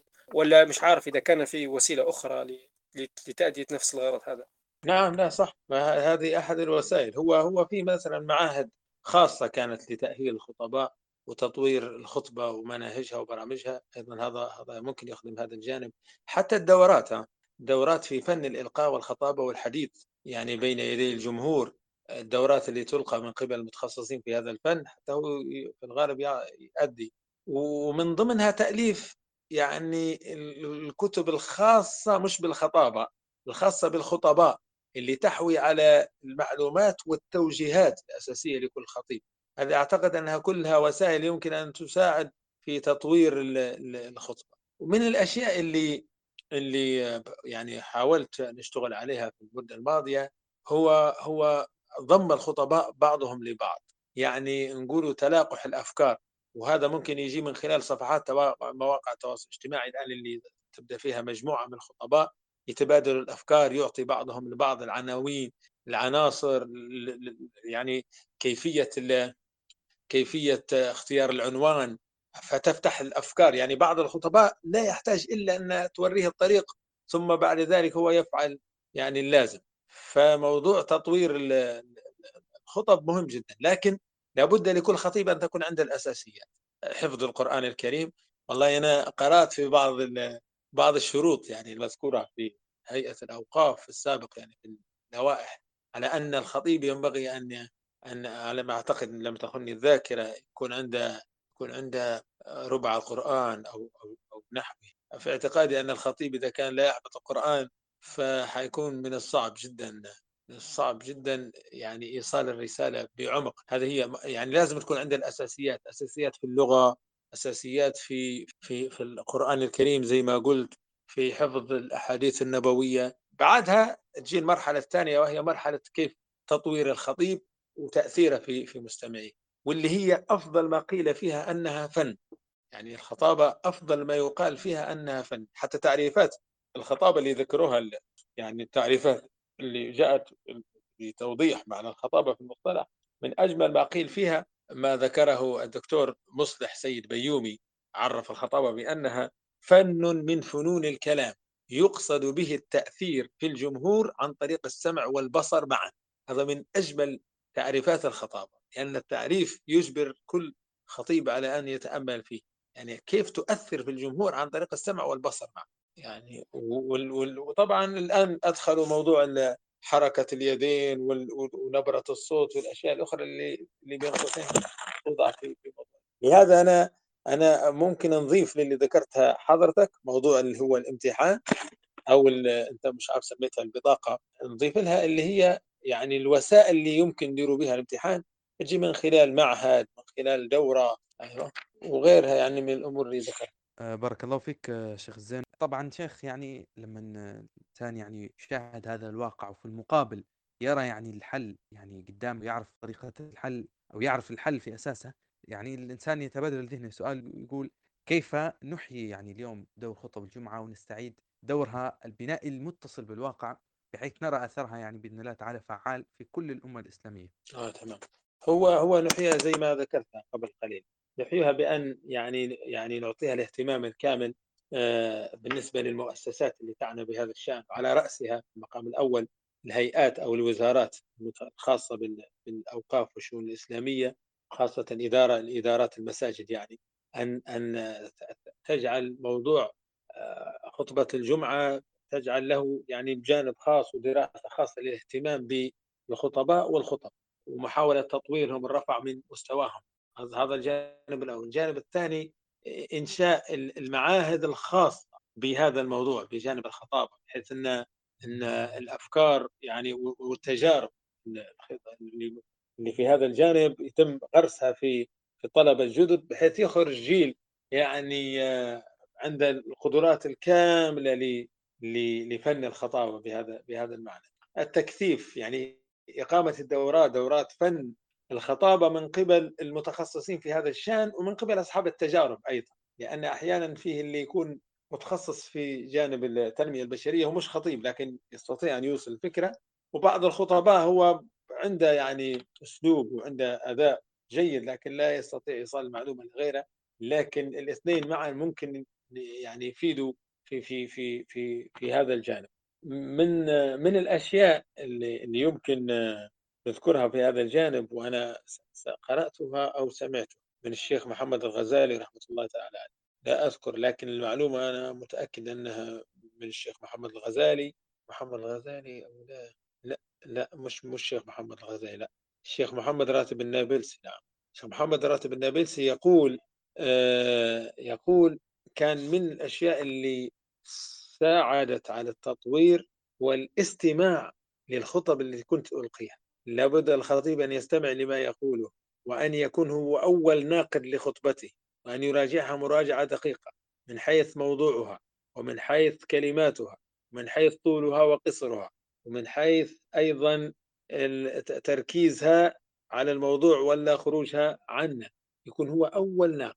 لدرجة أن يقول لنفسه لو قدر لي أن أقول لما قلت أو لو قلت كل هذه ستطور من أداء الخطيب وتجعل يعني وتجعل مهتم بهذا الجانب سيكون له شأن. أما إذا كان الخطيب يعني يغلق ملف الجمعة ولا يرجع له ولا يسمعه ولا يهتم به هذا فيه فيه فيه مشكلة. حتى بعض المت... يعني المهتمين بالتنمية البشرية من المعاصرين يقول الآن قياس الرأي العام قياس الرأي العام من جمهور المصلين عبر استبيانات وكذا مهم جدا للرفع من مستوى الخطاب. فنحن إذا كان أردنا أن نعود بالخطبة بخطبة الجمعة إلى دورها البناء في المجتمع والأمة فما علينا إلا الاقتداء أولا بالنبي صلى الله عليه وسلم في خطبه التي كانت مليئة بالقرآن الكريم واللي لم تكن طويلة طبعا لأن طول الكلام أصلا يشغل الذهن المستمع معه وأيضا واقعيتها لابد أن تكون الخطبة واقعية واضحة ومعالجه الموضوعات فيها تكون واضحة يعني عنوان الخطبة يكون واضح من خلال من خلال كلام الخطيب. حتى لو لم يذكر الخطيب عنوان الخطبة تسأل المصلي شو عنوان اليوم؟ يقول عنوان كذا لأن الموضوع واضح. وقديما قال لنا أساتذتنا بارك الله فيهم ممن تتلمذنا على أيديهم قالوا لنا أربعة أشياء لعلي أذكرها. يقول إذا أردت أن تخاطب الناس هي بال بال يقول قل قل قل لهم ماذا ستقول لهم ثم قل لهم ثم قل لهم ما قلت لهم. هي زي المعادلة يعني. في البداية يقولهم أنا سأكلمكم عن كذا ثم كلمهم عن الموضوع ثم قل لهم كلمتكم قبل قليل عن كذا. يعني حتى يخرجوا من من المسجد بشكل. فهذا ما أذكره يعني ويحضرني لموضوع استعادة الخطبة لدورها الفعال آه، للنهوض طبعا بالأمة والمجتمع. وخاصة الآن في ظل يعني السوشيال ميديا ومواقع التواصل الاجتماعي أصبح موضوع الأمة حساس ومهم جدا. يعني بعض الخطباء يقول يعني نحن القضايا الداخلية أهم والخطيب هو ابن البيئة اللي هو فيها. يعني أنا الخطيب موجود في حي ويتكلم لي على على قضايا خارج يعني في باكستان السيول ولا في في بورما. ولا في إساءة للنبي ولا كذا. يعني المواضيع البعيدة يحاول يقول ما, لناش بها داعي. اليوم في في ظل يعني مواقع التواصل الاجتماعي وهالشبكة العنكبوتية اللي جعلت العالم قرية واحدة موضوع المجتمع والأمة. يعني والأمة مهم جدا للخطيب أن تكون عنده دراية واطلاع واسع وثقافة واسعة مش ثقافة في العلوم الشرعية فقط كما يعني يصور البعض لكن الثقافة تكون في الشريعة وفي الأدب وفي السياسة وفي الاقتصاد وحتى في الاجتماع. يعني هذا هذا هذا هذا اللي يطور من من جانب الخطبة ويرجعها لمكانتها اللي كانت عليها في زمن النبوة. أيام آه، قول سيدنا عمر رضي الله عنه وأرضاه لو بغلة في العراق عصرت لظننت أن الله سائلني عنها لما لم تفصح لها الطريق يا عمر؟ والخطب اللي من هذا المستوى يعني اللي تحتاجها الأمة اليوم احتياج كبير جدا بحيث أنها ترجع للجادة وتتحقق فيها النهضة بإذن الله. بارك الله فيك جزاك الله خيرا شيخ الزين على ما قدمت وأفدت. الحقيقة عندي تساؤل آه، سؤال شخصي يعني بخصوص موضوع التأثير طبعا.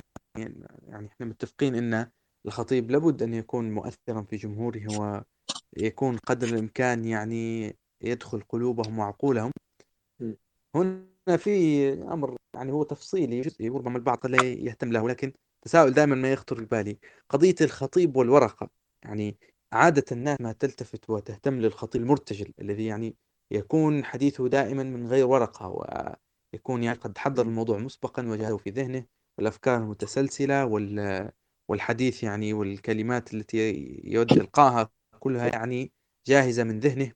في المقابل يعني نجد الخطيب يعني المبتدئ أو المتوسط في الخطابة يجد نفسه محتاج للورقة خصوصا أنه ربما يعني قد يرتد عليه يعني في على المنبر آه لا يتذكر كل شيء ينسى بعض الأشياء.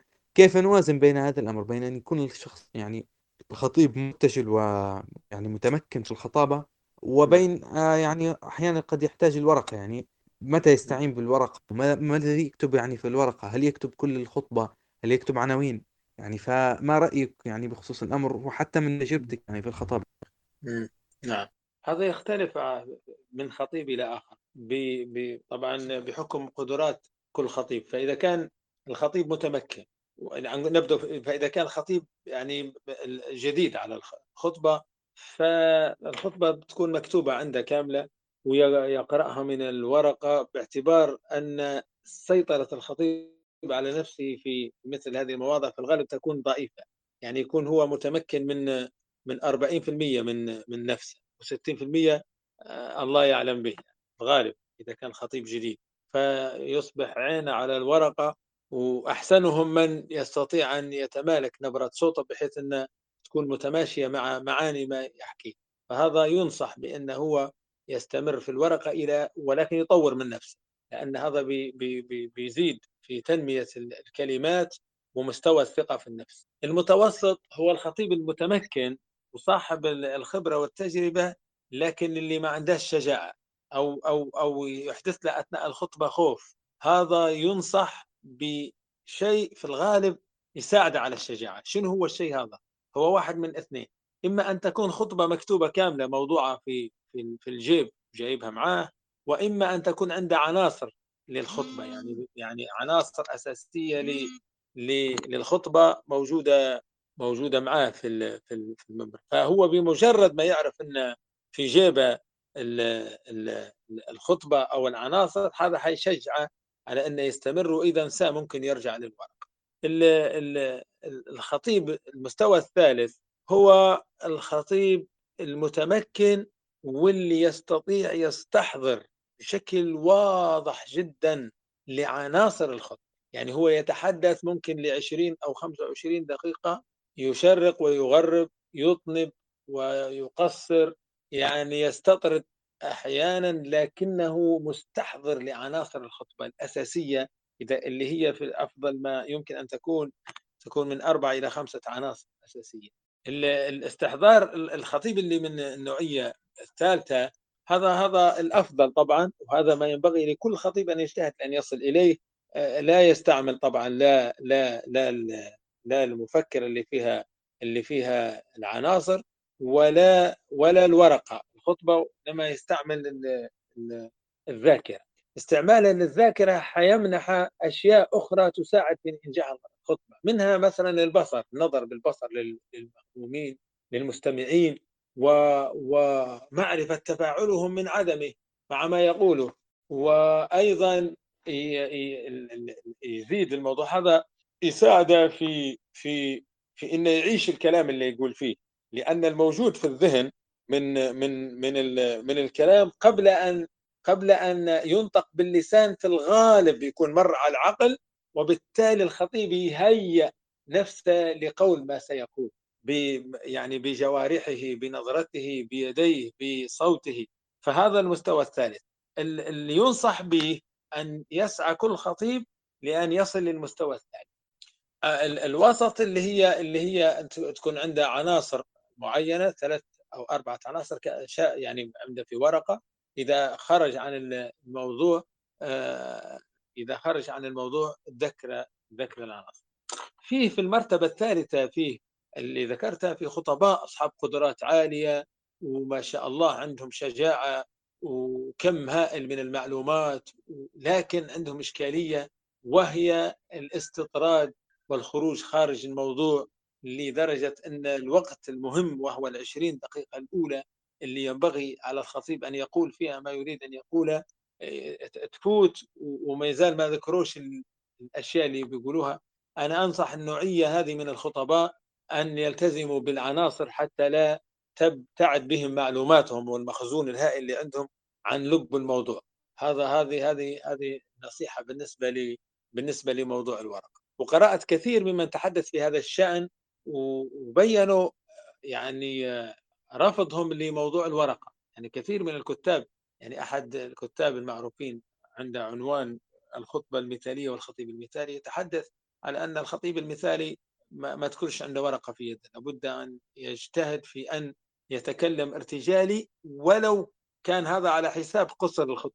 يقصر الخطبة خمس دقائق ارتجالي أفضل من ربع ساعة بالورق وربما هذا يساعد يعني في تشجيع تشجيع الخطبة. والله أعلم. جزاك الله خيرا شيخ. بارك الله فيك. الله يسلمك. آه الإخوة الأفاضل والأخوات الفضلات يعني استقبل الآن يعني المشاركات والإضافة للمساحة يعني الآن. فمن أراد المشاركة يعني يطلب التحدث أو يفتح المايك حتى نسمعه يعني إن شاء الله. آه، السلام عليكم. آه، عندي سؤال آخر لو سمحت. لوحظ يعني في بعض البرامج آه، التلفزيونية كانوا خاصة تقريبا برنامج خواطر شاب كان يتكلموا على بعض نقول إحنا المساجد الحديثة. فكانوا يحكوا على إدخال الخطب الجمعة اللي تكون مرئية يستخدموا فيها نقول إحنا ال data show وال PowerPoint يعرضوا مثلا فيديوهات أو مقاطع شرائح مثل المحاضرات أو الأشياء هذه. فنبي نعرف رأيك شيخ في في الموضوع هذا. هل هذا يعتبر مثلا شيء عادي بدعة حسنة تطور الموضوع مثل استخدام مكبرات الصوت وغيرها أو لا؟ تعتبر هذا إخراج خطب الجمعة عن السياق متاعها. فأنا بنعرف رأيك في الموضوع. بارك الله فيك. والله هو هو هو شأن فقهي جديد. أنا يعني الكلام فيه صعب. وجهة نظري على أنه إخراج للخطبة عن سياقها. الموضوع هذا صح وهو هو يحقق مقاصد الخطبة بالتجربة. هذا الموضوع يحقق مقاصد الخطبة يعني لأن فيه مؤثرات أخرى. لكن واضح يعني أنه يخرج الخطبة عن سياقها وعن تاريخيتها وهذا له مكان آخر. والله أعلم. وهي قضية يعني مسألة متروكة عند بعض الأئمة الآن المجتهدين السؤال موجه وعلى ما أعتقد الآن جاري البحوث البحث عليها والاجتهاد لمعرفة حكمها يعني النهائي. لكن إلى الآن أرى أن الموضوع هذا يعني صعب ويعني يغير الموضوع.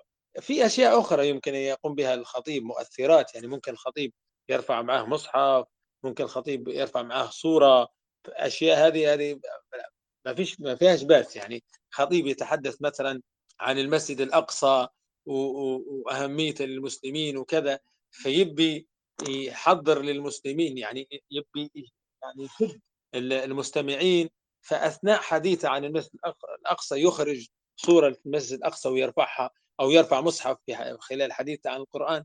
كل هذه الأمور عادية لكن تبدأ فيه شاشة أخرى وفيها برامج عرض وكذا فهذا له شأن آخر.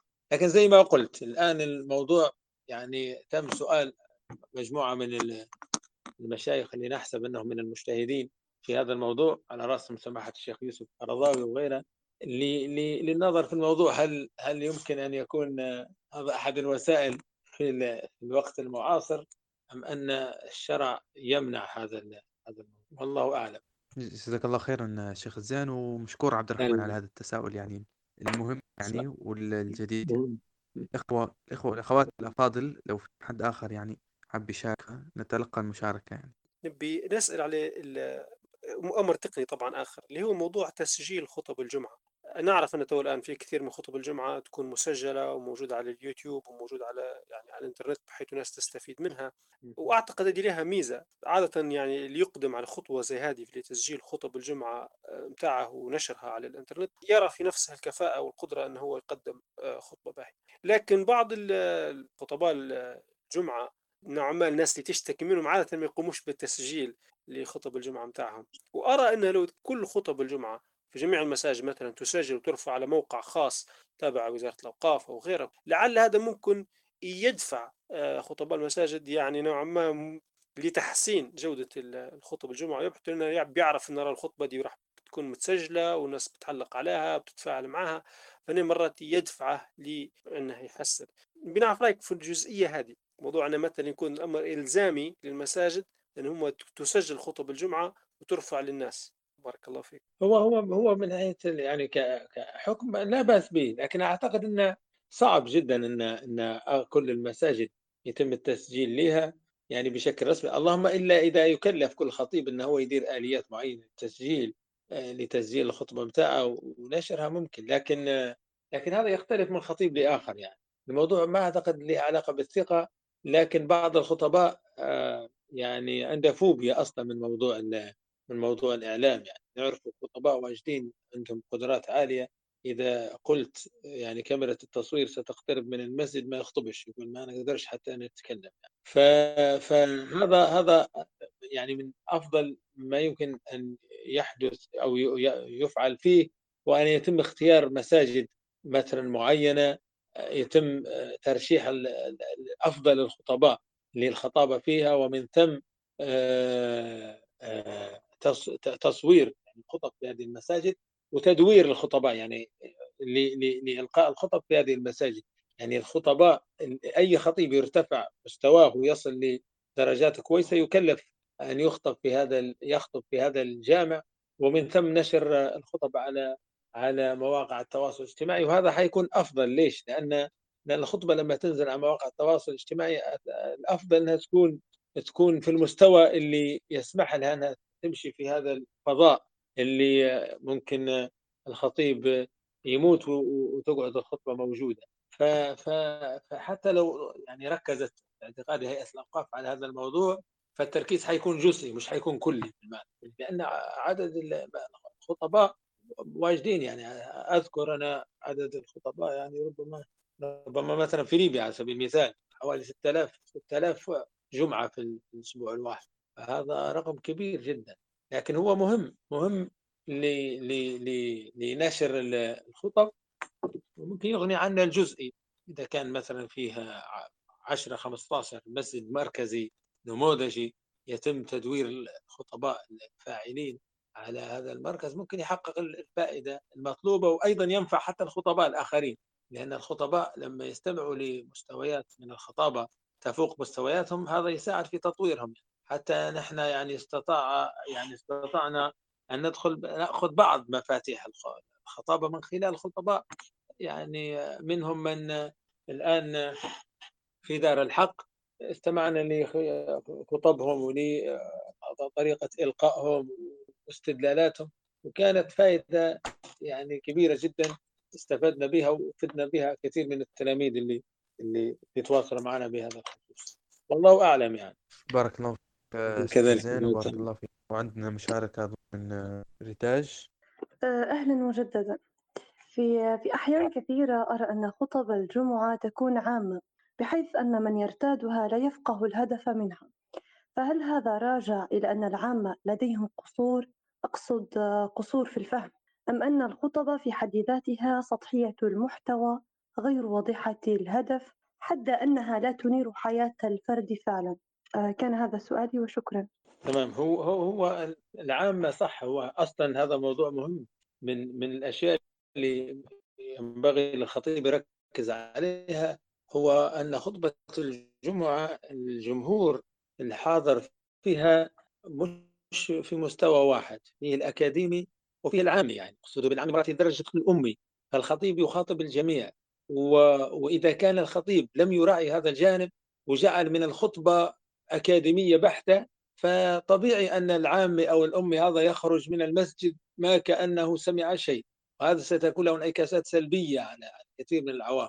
وأغلب الخطباء اللي يخطبوا من الورق هذا حالهم يعني. خطب أكاديمية وخطب معدة إعداد ما ليش علاقة بالواقع. إعداد يعني مركز يصيب يصيب في الغالب العوام بسببه الملل. ولهذا ممكن تنعكس الصورة زي ما ذكرت حضرتك على أنها تكون سلبية والموضوع لا علاقة له في الغالب في الغالب بالمستمع.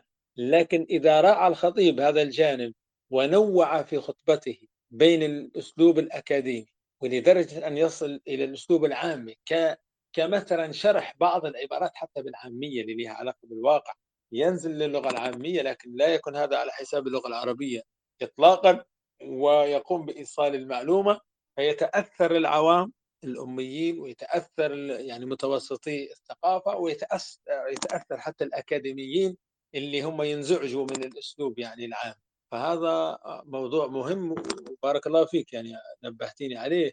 هو موضوع الجمهور المستمع للخطبة. إذا كان يعني الخطيب راعى هذا الجانب فستكون يعني الخطبة مؤثرة.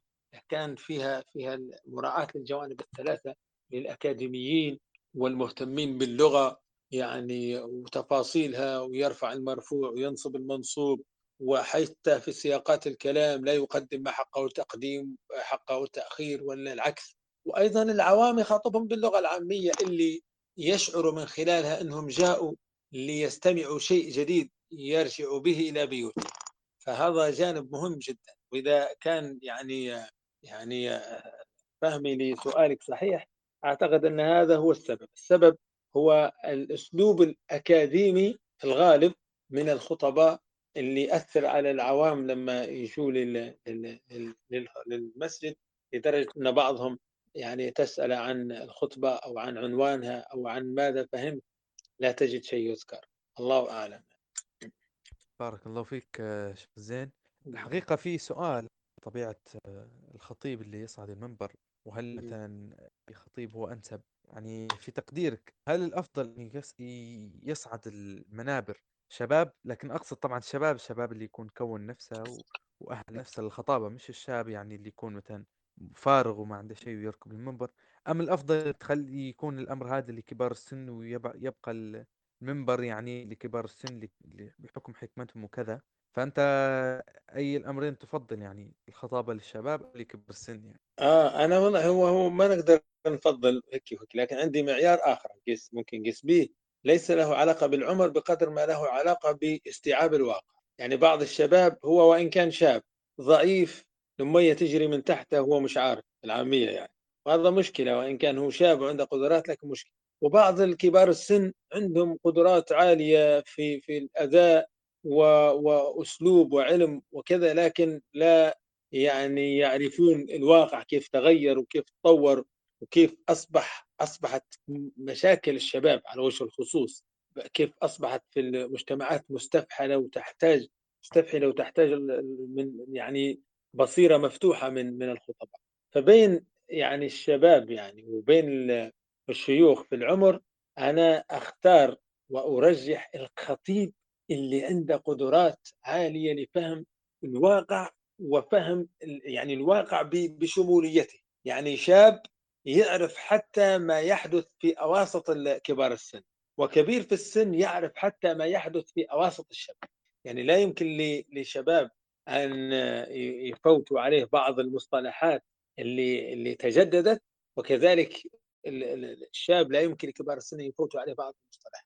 هذا هذا هذا في اعتقادي هو المعيار. ليش؟ لأن لأن من أوتي يعني فن الخطابة سواء كان شاب أو كبير في السن سيكون لخطابه تأثير. وهذا أكدته التجارب ومواقع التواصل الاجتماعي موجودة خطباء يعني أعمارهم تجاوزت السبعين لهم خطب تسمعها يعني مؤثرة مؤثرة. على حد قول الشاعر والعمر ثابتة على العشرين. وبعض يعني الشباب تجد عنده من القدرات ومن الإمكانيات ما تشعر بأن خبرته في الخطابة تجاوزت 30 عام. فالموضوع يعني المقياس وجهة نظري في هذا وهذا بعد حمل مؤهلات الخطابة الأساسية هو البصيرة النافذة بمجريات الواقع. وبعبارة ممكن أوضح مواكبة العصر أن يصبح الخ... أن يكون خطيب مواكبا للعصر يعرف كيف يتعامل مع الهاتف مع مواقع التواصل الاجتماعي مع مصطلحات المصطلحات العصرية المستوردة المستوردة واللي متجددة بشكل كبير جدا. فإذا كان الخطيب عند الموضوع هذا أنا هذا اللي نقف معاه سواء كان كبير في السن أو كان شاب. أما اللي ما عندهاش دراية مهما كانت قدراته فأعتقد أن أن أن يعني حيكون هذا أحد أسباب ضعف الخطب متاعها في يوم من الأيام. والله أعلم. تمام تمام. الآن مشاركة من الأخ نجم الدين. السلام عليكم. وعليكم السلام. الشيخ زين سؤال يعني حضرتك تكلمت على أن الخطيب يكون ملم بفقه الواقع. فهل ترى أن معرفة الخطيب يلزم معرفته بمستوى الفكر للحضور؟ الناس اللي ترتاد المسجد وعادة تحضر في الخطبة هل يعني يعني ممكن هو يدير الاعتبار بحيث انه هو يقدر يتنازل إذا كانوا من العوام يغلب أغلبهم من العوام يتنازل إلى مستواهم وإذا كان هو من النخب المثقفة يعني فيستخدم معهم اللغات الحية وممكن يضيف إليهم جديد يعني. والسؤال آخر بحكم التجربه هل اللباس الخطيب له انعكاس على تقبل الانسجام يعني مع الاستماع وكذا ونجاح الخطبة ووصول هدفها بارك الله فيكم. بالله بالله معلش عاود لي عاود لي السؤال ما سمعتش. السؤال الثاني. عاود لي عاود لي حتى الأول. آه الأول حضرتك الشيخ زين نعم. حضرتك تكلمت على ضروره معرفة الخطيب بفقه الواقع. وهذا جيد فعلا. ولا ترى من الضروره أيضا أن يكون الخطيب عنده معرفة بالناس اللي ترتاد المسجد ومدى وعيهم وثقافتهم. بحيث هل هم من غالبية العوام انه هو ينزل لهم في مستواهم اما هم مثلا من الطبقة المثقفة؟ بحيث إن لأن إذا كان ما وصلش الهدف فشطارة الخطيب على المنبر استخدام المصطلحات اللغة العربية وإفادتها والاستشهاد بالحياة والحديث ربما ما يؤديش الغرض المطلوب منه. والسؤال الآخر هو بحكم التجربه شيخ زين هل ترى أن لباس الخطيب يعكس شيء إيجابي أم سلبي تجاه المستمعين والخطابه الخطبة أو لا؟ بارك الله فيك. وفيك بارك الله فيك. بالنسبة للسؤال الأول فعلا هو هو هو الخطيب إذا كان عنده دراية بواقع من يتكلم فيهم هذا سيؤثر في أسلوبه ويؤثر حتى في اختياره للعناوين. لأن إذا كان الخطيب عرف أن الحاضرين معاه يعني هم مجموعة من طبقة مثلا واحدة ما عندهمش تنوع ففي الحالة هذه إذا كانوا أغلبهم العوام أو كلهم يقولوا نحن من العوام فمن الخطأ إنه هو يأتي بالخطبة أكاديمية ولا يأتي فيها أصلا بشيء أكاديمي. لا لازم لازم يعطي يجيب الآية وثم يشرحها لهم بما يفهمون. يعني يحاول يبسط باكبر قدر ممكن وهذا مهم. وبالعكس يعني إذا كان هو رأى إن مثلا خطب في في في في مصلى جامعة مثلا واللي حاضرين يعني 100% من الأساتذة والأكاديميين وأصحاب القدرات العالية فهنا ما فيش بأس. وهذا واضح إذا الخطيب ياثر معرفة معرفة الجمهور المستمعين يؤثر حتى في نوعية الخطبة والعنوان. وهذا من من فنيات طبعا الخطابة ومن صفات الخطيب المثالي أن تكون عنده دراية بمن يخطب فيه. وهذه مع, مع للأسف يعني قلة قليلة من الخطباء لما يطلب منا أن يخطب في جهة من الجهات من يسأل عن شنو واقع المجتمع هذا شنو واقع المأمومين اللي أنا بنخطب فيهم من فيهم يعني أصحاب الدرايات أصحاب العلم أصحاب كذا. آه هذا هذا هذا بالنسبة للسؤال الأول. السؤال الثاني لباس الخطيب لما لما يذكر في الغالب يذكر في في في صفات في صفات الخطيب. وأنا في وجهة نظري أن اللباس له علاقة بالبيئة الموجود فيها الخطيب نفسه. وأفضل ما يمكن أن يقال في هذا على أن الخطيب ينبغي أن لا يتميز في اللباس عن المأمومين. أن لا يتميز في اللباس عن المأمومين. يعني يحاول يكون شأن في اللباس شأن من يؤمهم. فإذا كان هم مثلا مثلا هذا هذا نتحدث عن اللباس طبعا اللباس الشرعي لكن لكن ما يجيش يعني يكون يكون اللباس بتاع الخطيب مميز لدرجة أنه يكون عزيز على الناس يعني يكون عندهم زي أو شيء من هذا القبيل. الأفضل أن أن لباس الخطيب يكون زي لباس المأمومين. وواضح أن اللباس فعلا يأثر أيضا في في موضوع الخطبة وفي نجاحها. يعني شأن اللباس شأن الكلام وشأن الحركات وشأن كذا. حتى في يعني بعض في في الدورات اللي تلقى في فن الخطابة يقال بأن الشيء الغريب في لباس الخطيب قد يخطف عقول وعيون الجالسين في الصفوف الأولى ويركزوا. يعني لماذا الحاجة هذه مش هانة وليش هذه دايرها هيك وليش هذه دايرها هيك؟ فهو يشغلهم بما لا ينبغي أن ينشغلوا به. وعلى هذا لباس الخطيب ينبغي أن يكون يعني مضبط ومهتم بمظهره غير أن ما يكونش يعني متميز واجد. وأنا قصدت أتحدث عن هذا الموضوع بهذه الطريقة لأن بعض الخطباء يعني يلبسوا في ملابس المأمومين يحلموا حلم باش باش يشروا زيها يعني. وهذا يعتبر خطأ يعني. حتى المالكية في موضوع الإمامة وكذا متشددين في هذا الموضوع يرفضوا أصلا أن يتميز الإمام بأي حاجة عن المأمومين حتى السجادة يعني. عند المالكية مكروهة أن تخصص للإمام حاجة يصلي عليها فهذه كلها لها علاقة بالتأثير. والله أعلم. وهي اليوم تذكر في فن في فن الخطابة تذكر من صفات الخطيب الناجح. اللباس الجيد هذا هذا من علامات الخطيب الناجح ويؤثر كما قلت في في في موضوع الخطبة أيوة. والله أعلم. بارك الله فيك. شيخ زين. في يعني تساؤل ممكن قد يطرأ لأذهان البعض أن في الحديث عن في خطب الجمعة بعض الأحيان ربما موضوع قد لا تكفي خطبة واحدة. فالشخص يعني يجد نفسه الخطيب يجد نفسه مضطر إلى أنه آه، يقوم مثلا يقسم الموضوع على أكثر من خطبة وكذا. فهل ترى الأمر هذا مناسب أم أنه مثلا بعض الأحيان قد يشتت أذهان المتلقين يعني؟ هو هو هو مناسب في بعض الظروف لكن في اعتقادي إذا تجاوز الأربعة خطب يصبح الموضوع خلاص يعني ممل اللي هو شهر واحد. وهو لا لا تحدث إلا في ظروف خاصة على أن في موضوع معين يعني خطأ أو أو حادثة معينة يحتاج البيئة اللي موجود فيها الخطيب أن يعالجها فيقسمها على أربعة خطب ممكن لكن إذا طال الموضوع أكثر من هذا يصبح ممل ويبعد الخطبة عن عن مقصدها الأسبوعي يعني. مقاصد الخطبة الأسبوعي هو علاج القضايا المستجدة في المجتمع مش إنها تبدأ قضية واحدة. يعني أنت شهر تتكلم على موضوع واحد وفي مواضيع أخرى جديدة تمر مرور الكرام ما فيش حد ينبه عليها. هذه وجهة نظري على أن أربع خطب هو أقصى حد للخطب الموضوعية السلاسل يعني خطبة سلسلة علمية في موضوع معين. اللهم إلا إذا كانت سلاسل مش على موضوع معين سلاسل عامة زي زي حد يخطب عن موضوعات القرآن الكريم. يعني يتحدث عن الصبر في القرآن الشكر في القرآن الجنة في القرآن النار في القرآن. لا هذا عادي. ليش؟ لأن هذه الموضوعات متنوعة. صح عنوانها الرئيسي واحد لكن جزئياتها يعني متنوعة ومختلفة أما الموضوع الواحد كمن يريد أن يعالج قضية مثلا آه، التهاون في أداء الصلوات في المساجد. فإذا تجاوزت الأربع خطب باعتقادي أن أن حتدير إشكال وحتحرم نفس الناس من علاج أشياء أخرى كثيرة كان ينبغي علاجها. والله أعلم. تمام. بارك الله فيك شيخ.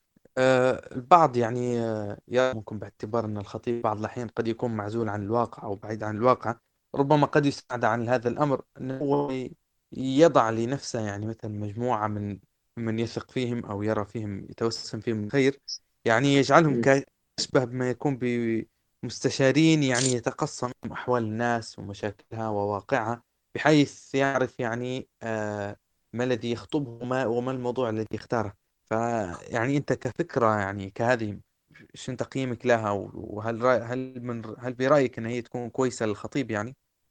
آه جميل. نعم. هذه هذه هذه من هذه ما قصدت أنا من لما لما رجحت موضوع الخطيب الشاب اللي عنده درايه بالواقع وكبير السن اللي عنده درايه بالواقع هذا ما قصدت اللي هو عايش في المجتمع.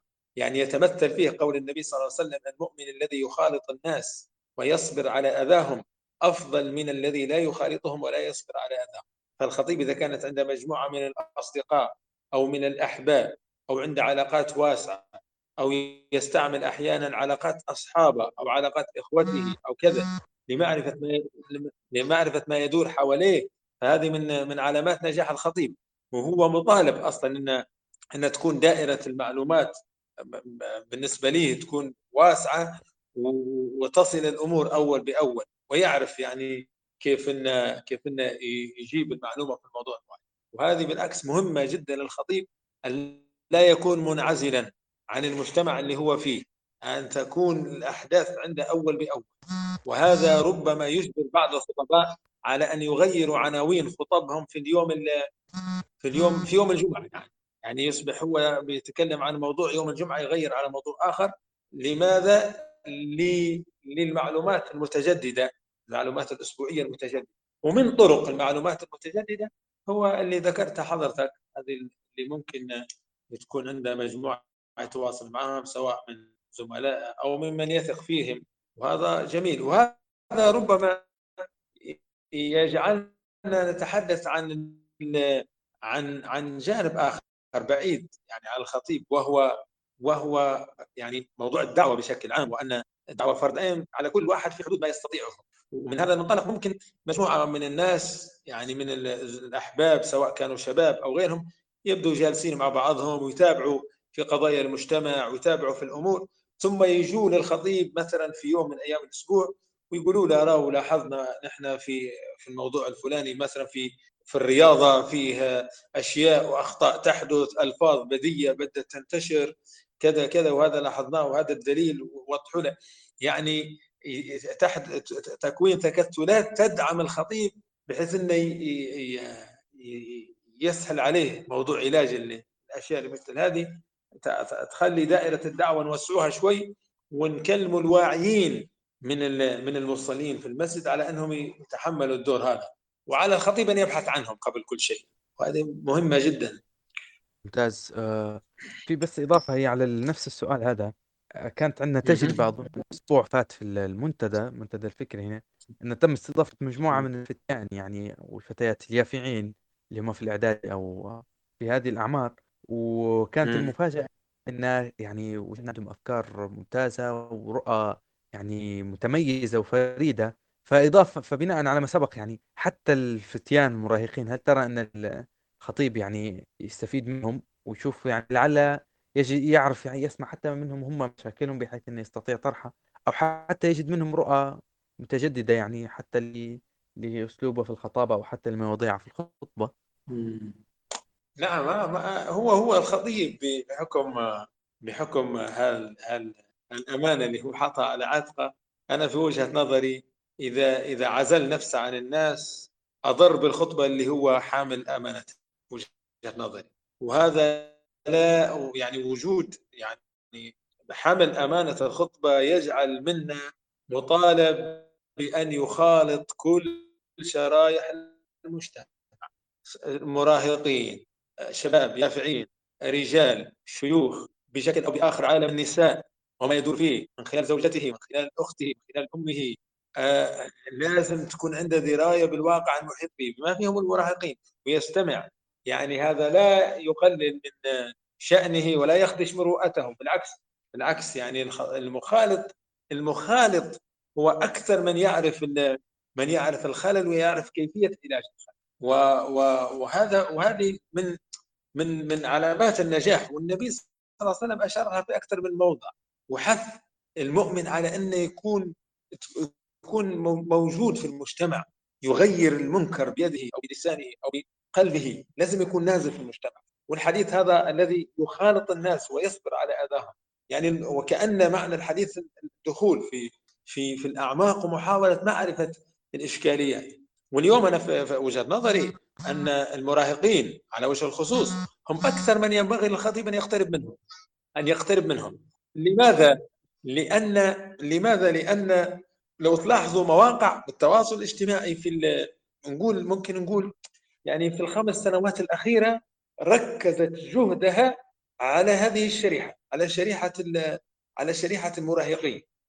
بفتح بفتح المواقع الجديدة وإنزال الألعاب الغريبة ولدرجه أن أن منظومات منظومات ثقافية وأفكار منحرفة بدأت تتسرب إلى هذه الفئة فئة المراهقين. بالتالي هذا الخطيب ينبغي أن يعني يقترب من هذه الفئة ليبحث بشكل واضح عن الإشكاليات ويعالجها على المنبر بالطريقة طبعا التي تليق بالمنبر ويحاول كيف يفصلها. وأنا مع هذا الموضوع وإذا الخطيب رأى أن هذا الموضوع مش من اختصاصه في اعتقادي ان أنه قصر في حق خطبة الجمعة وحق حماية المجتمع اللي هو مطالب بتوعيته و يعني تحصينه من الأفكار الشاذة والقضايا المنحرفة. ممتاز بارك الله فيكم شيخ. يعني برأيك أيضا ما أثر صلة الخطيب يعني مولاه سبحانه وتعالى و... وصلة القلبية بالله عز وجل على قوة الخطبة وفعاليتها وإعدادها الممتاز وتأثيرها يعني إلى أي مدى ترى ذلك يعني مؤثر ومترابط؟ والله هذا ممكن يعتبر أصعب سؤال يعني والله هذا يعني نقول لك أنا هو أولا منطلق الخطيب قدوته في الخطابة هو النبي صلى الله عليه وسلم. ما دام أن القدوة هو الرسول عليه الصلاة والسلام فلا بد للخطيب أن يعلم أن أن أصل الموضوع هو التوقيع عن رب العالمين مثل ما قال الإمام القيم. يعني ما دام أن الخطيب موقع عن رب العالمين فينبغي أن يركز على على الجانب الإيماني الخاص وأن تكون له علاقة خاصة مع الله تبارك وتعالى فيما يتعلق بحمل أمانة المنبر وأدائها حق الأداء. وهذا يتطلب منا يعني مجهود كبير جدا. ويقول يعني مالك بن دينار رضي الله عنه وأرضاه يشجع الخطباء على على هذا الجانب. يقول يعني كل خطيب تعرض أعماله على خطبته قبل أن يلقيها فإن وافقت وصلت وإن لم توافق ردت. وهذا واضح يعني اول من ينبغي الخطيب أن يوجه لهم السؤال هو هو توجيهه لنفسه ثم بعد ذلك يخاطب الجمهور. وهذا لا شك لا شك سيجعل لكلامه نور سيجعل لكلامه حلاوة تصل لقلوب المستمعين. فما كان لله دام واتصل وما كان لغيره انقطع وانفصل. وإذا إذا إذا ابتعد الخطيب عن حظ نفسه وأخلص في يعني خطبته. لله تبارك وتعالى لا شك أن الله سيبارك في الخطب ويبارك حتى في جمهورها في وقتنا المعاصر اليوم. الخطيب ممكن في في في في, منطقة كثافة السكانية لا تتجاوز الخمسة آلاف يخطب خطبة جمعة يسمعها خمسة ملايين. الله تبارك وتعالى بالإخلاص يبارك الأعمال. فالجانب الإيماني هو المرتكز الأول الذي ينبغي أن يكون لكل آه، خطيب. وهذا لا يعني أن الخطيب يعني يترك هذا الجانب بناء على التقصير وإلا يعني آه، يحاسب نفسه. لا الإمام القيم كان يقول يعني لمستمعيه آه، في بعض خطبه وبعض دروسه يقول أسألكم أجرة الدلالة على الله تبارك وتعالى. يقول من الله تبارك وتعالى علي بما رأيتم من العلم وجمع المعلومات وهذا دللتكم به على الله تبارك وتعالى. يعني ساهمت في توضيح طريق الخير لكم لتصلوا إليه. يقول إن وصلتم بسبب كلامي هذا فأسألكم يوم القيامة يوم القيامة أجرة الدلالة على الله تبارك وتعالى. يعني يقولوا يا رب فلان هذا وصلنا بكلامه فاغفر له وارحمه. الجانب الإيماني هو المرتكز الأول اللي ينجح من خلال الخطيب. وأنا أقول أن الخطيب إذا كان يعني في درجة كاملة من الإخلاص وقوة حقيقية من الإيمان أنا أعتقد أن الخطيب حتى لو كانت قدراته ضعيفة وفن الخطابة عنده يعني يحتاج زيادة الله تبارك وتعالى يهيئ له الأسباب التي تقويه وتبارك الخطب بتاعه بفضل الإخلاص اللي اللي هو يعني اللي هو السلاح اللي يمكن للخطيب أن يستعمله لإنجاح الخطب. فكما قلت هذا السؤال وربما أثقل الأسئلة المطروحة الآن في ربي يتقبل إن شاء الله منهم آمين يا رب بارك الله فيك. في الختام شيخ يعني الحوارية زي هذه لا شك أن تحمس الكثير من الشباب اللي الاهتمام بتغيير الواقع وبإصلاحه بأنه هو يهتم بالخطابة وينمي قدراته فيها. فشيخنا يعني شو اللي تنصح به من كتب سلاسل مثلا مرئية مسموعة مثلا بالدرجة الأولى كتب أشياء مواد تنمي آه، ملكة الخطابة وأساسات الخطابة النظرية عند اللي يرغب في في الخطابة يعني مستقبلا. آه تمام. هو أولا أول أول شيء أنصح به كل خطيب هو آه، الإكثار من مطالعة التفاسير تفاسير القرآن الكريم. وعلى رأسها تفسير الإمام إسماعيل بن كثير رحمه الله والإمام القرطبي جامع الأحكام القرآن القرطبي. ويكثر. أنا لا أريد أن أثقل وأقول ينبغي أن يقرأ تفسير كامل. آه، الإكثار من مطالعة في تفسير القرآن الكريم. هذا أول ما أنصح به الخطيب. يكثر من هذا الجانب تفسير القرآن الكريم. ثم بعد ذلك التعمق في قراءة السيرة النبوية وأنا لا أقول قراءة السيرة النبوية وإنما التعمق فيها الحياة النبوية قبل البعثة وبعدها والعهد المكي والعهد المدني. يقرأ في الأحداث يقف يقرأ في السيرة يقف عند الأحداث يحللها. مواقف النبي صلى الله عليه وسلم مع الصحابة مع الصحابيات مع زوجاته في الحروب في حالة السلم. فيقرأها بتعمق يقرأها بحب. هذا هذا هذا لابد للخطيب أن يتعمق في هذا في هذا الجانب. بعد ذلك لا يتقيد الخطيب بالعلوم الشرعية لتعبئة الثقافة ثقافته وإنما يتوسع في في في في الثقافة لتشمل كل ما يمكن أن يفيد به المجتمع اللي حواليه في السياسة في الاقتصاد في الاجتماع في الأمور اللي اللي يبرز من خلالها شمولية الشريعة الشريعة الإسلامية وأنها يعني صالحة لكل زمان ومكان. هذا هذا جانب. وأنصح أيضا الخطيب أن يستمع للخطباء المتقنين. يستمع إليهم بدقة متناهية. يحاول أن يراجع ما قالوه. يعني ويحاول في بعض الأحيان في بعض الأحيان حتى تحدث له دربة أن يقلد ما فعلوه ليطور من نفسه. وفي هذا يعني الآن ما شاء الله الساحة الإسلامية مليئة بالخطباء المؤثرين في في في في قضايا متنوعة وعلى اختلافات يعني على اختلافات آه، أساليبهم الخطباء. بعضهم مؤثر في الجانب الإيماني وبعضهم مؤثر في الجانب الفكري وبعضهم مؤثر في الجانب السلوكي يحاول يجمع من هؤلاء الخطباء ويستمع يكثر من الاستماع للخطب اللي موجودة في مواقع التواصل الاجتماعي بدون ما نسمي خطباء بعينهم لأن كل خطيب ينسجم مع مع مع من ربما يستطيع أن أن يتعلم منه في في هذا الجانب. ف, ف يعني التسلح بكثرة المطالعة في القرآن في السنة في الثقافة بشكل عام والاستماع لخطب خطب الجمعة الموجودة في في في في مواقع التواصل الاجتماعي.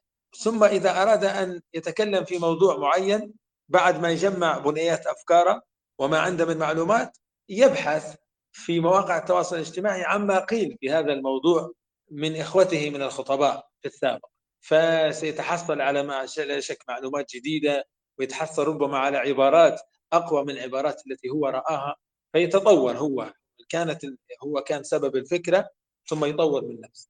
هذا ما ننصح به الخطباء هو أن ينظروا للخطبة هذه على أنها أمانة وعلى أن الجمهور الموجود الآن يعني ينتظر في من يوعيه ويرقيه.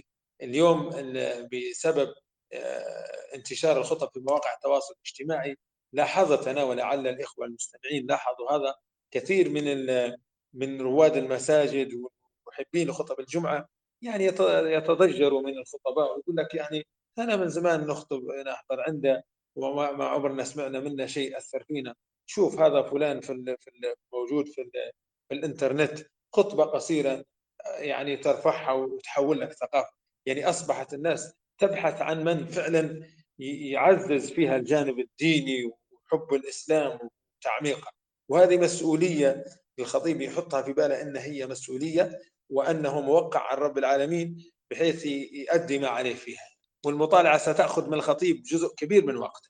آه ستحرمه من أشياء كثيرة يعني. المطالعة ستكون المطالعة ستكون على حساب أشياء كثيرة جدا. وعلى الخطيب ما دام تقمص هذا ال هذا ال هذا الدور لابد أن يكون مستعد له. أما أن يعني يبقى الخطيب خطيبا ثم لا يجتهد ولا يتعب ل يعني إعداد خطبة الجمعة هذا من تضييع الأمانة وجهة نظري الله أعلم العلم عند الله تبارك وتعالى. أي والله شيخ بما ان تكلمنا سابقا عن أثر خطب الرسول صلى الله عليه وسلم وربما حتى يعني أهمية خطب المتقدمين وكذا هل حسب معرفتك ودرايتك شيخ في كتاب يؤرشف أو يؤرخ مثلا لخطب السلف أو الأئمة المتقدمين يعني حتى الإنسان مرة يرجع له ويجد فيه يعني ما يستفيد يعني منه. يؤرخ لماذا؟ للخطب القديمة خطب متقدمة مثلا لعهد السلف عهد التابعين. هو هو هو هو يعني في كتب كثيرة لكن لكن المشهورين من خطباء السلف لهم لهم كتب خاصة بهم يعني. يعني زي الحسن البصري مثلا ك ك من الخطباء اللي اللي كتبت له خطب كثيرة جدا وهو خطيب مفوه ومعلم الخطباء. أنا أعتبره أسد المنابر ومعلم الخطباء. حتى في الجانب جانب القدوة يعني يحكى أن أحد الأعراب جاءه واشتكى إليه وكان من العبيد اشتكى إليه آه، ظلم السيد وقال أنا أريد أن أعتق. فطلب منه الحسن البصري رحمه الله أن يبقى مدة من الزمن قبل أن يتحدث عن هذا الموضوع في المنبر. لم يعرف الأعرابي سبب هذه المدة لكن بعد مدة من الزمن صعد البصري المنبر وتحدث عن ظلم السادة للعبيد وأن هذا يعني محرم وأن الله حرم الظلم على نفسه وجعله بين الناس محرم. المهم خطب خطبة بليغة عن هذا الجانب ثم في آخر الخطبة قال وكلكم تعلمون أن فلان الفلاني أشر عليه. قال هذا أنا اشتريته وإني أمامكم أعتقه في سبيل الله. فأعتق أراد أن يبرز الجانب العملي مع الجانب القولي. فأعتق كل من حضر الخطبة هذه اعتقوا اللي, اللي عندهم أعتقوه. ويعني عند يعني دراسة سير الخطباء المتميزين من السلف لا شك سينعكس هذا على أداء الخطيب. وكيفية تطويره من نفسه فأنا يعني لا أذكر كتاب بعينه لكن أذكر إن مثلا الإمام علي رضي الله عنه وعليه السلام كان من من الخطباء المتميزين في في في في زمن النبوة وكتبت له خطب كتبت له خطب كثيرة. آه، خطب النبي صلى الله عليه وسلم اللي وصلنا منها صح هي هي يعني أغلبها يعني وصلت بأسانيد ضعيفة لكن في كتب حوت آه، هذا هذا هذا الجانب آه، أيضا موجودة. اليوم الكتب اللي اللي يعني فيها خطب الجمعه الجاهزة أصبحت أكثر من أن تحصى وتعد. ما على الخطيب إلا أن يكتب خطبة جمعة في الشبكة العنكبوتية اللي بدل الخطبه عشرات وبدل العنوان عشرات فلكن يعني ما أنصح به هو دراسة سير الخطباء ومحاولة الأخذ من الأصول بشكل مباشر وهذا سيعزز عندنا جانب الإبداع. يعني يعني قراءة الخطب المكتوبة يقتل ربما الإبداع والتغيير اللي ينبغي يكون الآن في أساليب الخطبة في الوقت المعاصر مثلا على سبيل المثال لو الخطيب عكف على الخطب السابقة قراءة وحفظا ربما تؤثر حتى على أداء في, في الوقت الحالي. نحن الآن في في وقت آه، بدينا نسمع لما يعرف ببرامج الومضات. يعني البرامج الشرعية تغيرت من كون البرنامج بتاع ساعة وخمسة يعني أو 45 دقيقة إلى برنامج ومضات إيمانية. يعني لمدة دقيقة فقط أو دقيقتين أو ثلاث وصل المعلومة. فهذه كلها لها علاقة بالعصر بتطورات العصر. لهذا لا أنصح بحفظ الخطب الأولى بقدر ما, ما أنصح بقراءة السير سير الخطباء المتميزين من السلف الصالح. والله أعلم. بارك الله فيك شيخ. بخصوص قضية الدعاء الدعاء اللي في آخر الخطبة يعني الخطيب ربما عادة لأن بعضهم يتعب في التحضير وبعضهم ربما يسأم من أن يجدد الدعاء فيحفظ يعني أدعية متشابهة ومتكررة وقد يكررها كل خطبة بنفس السياق ونفس الترتيب وكذا. ما مدى يعني رؤيتك لهذا الأمر؟ يعني قضية الدعاء متى يكرر؟ هل يكرر؟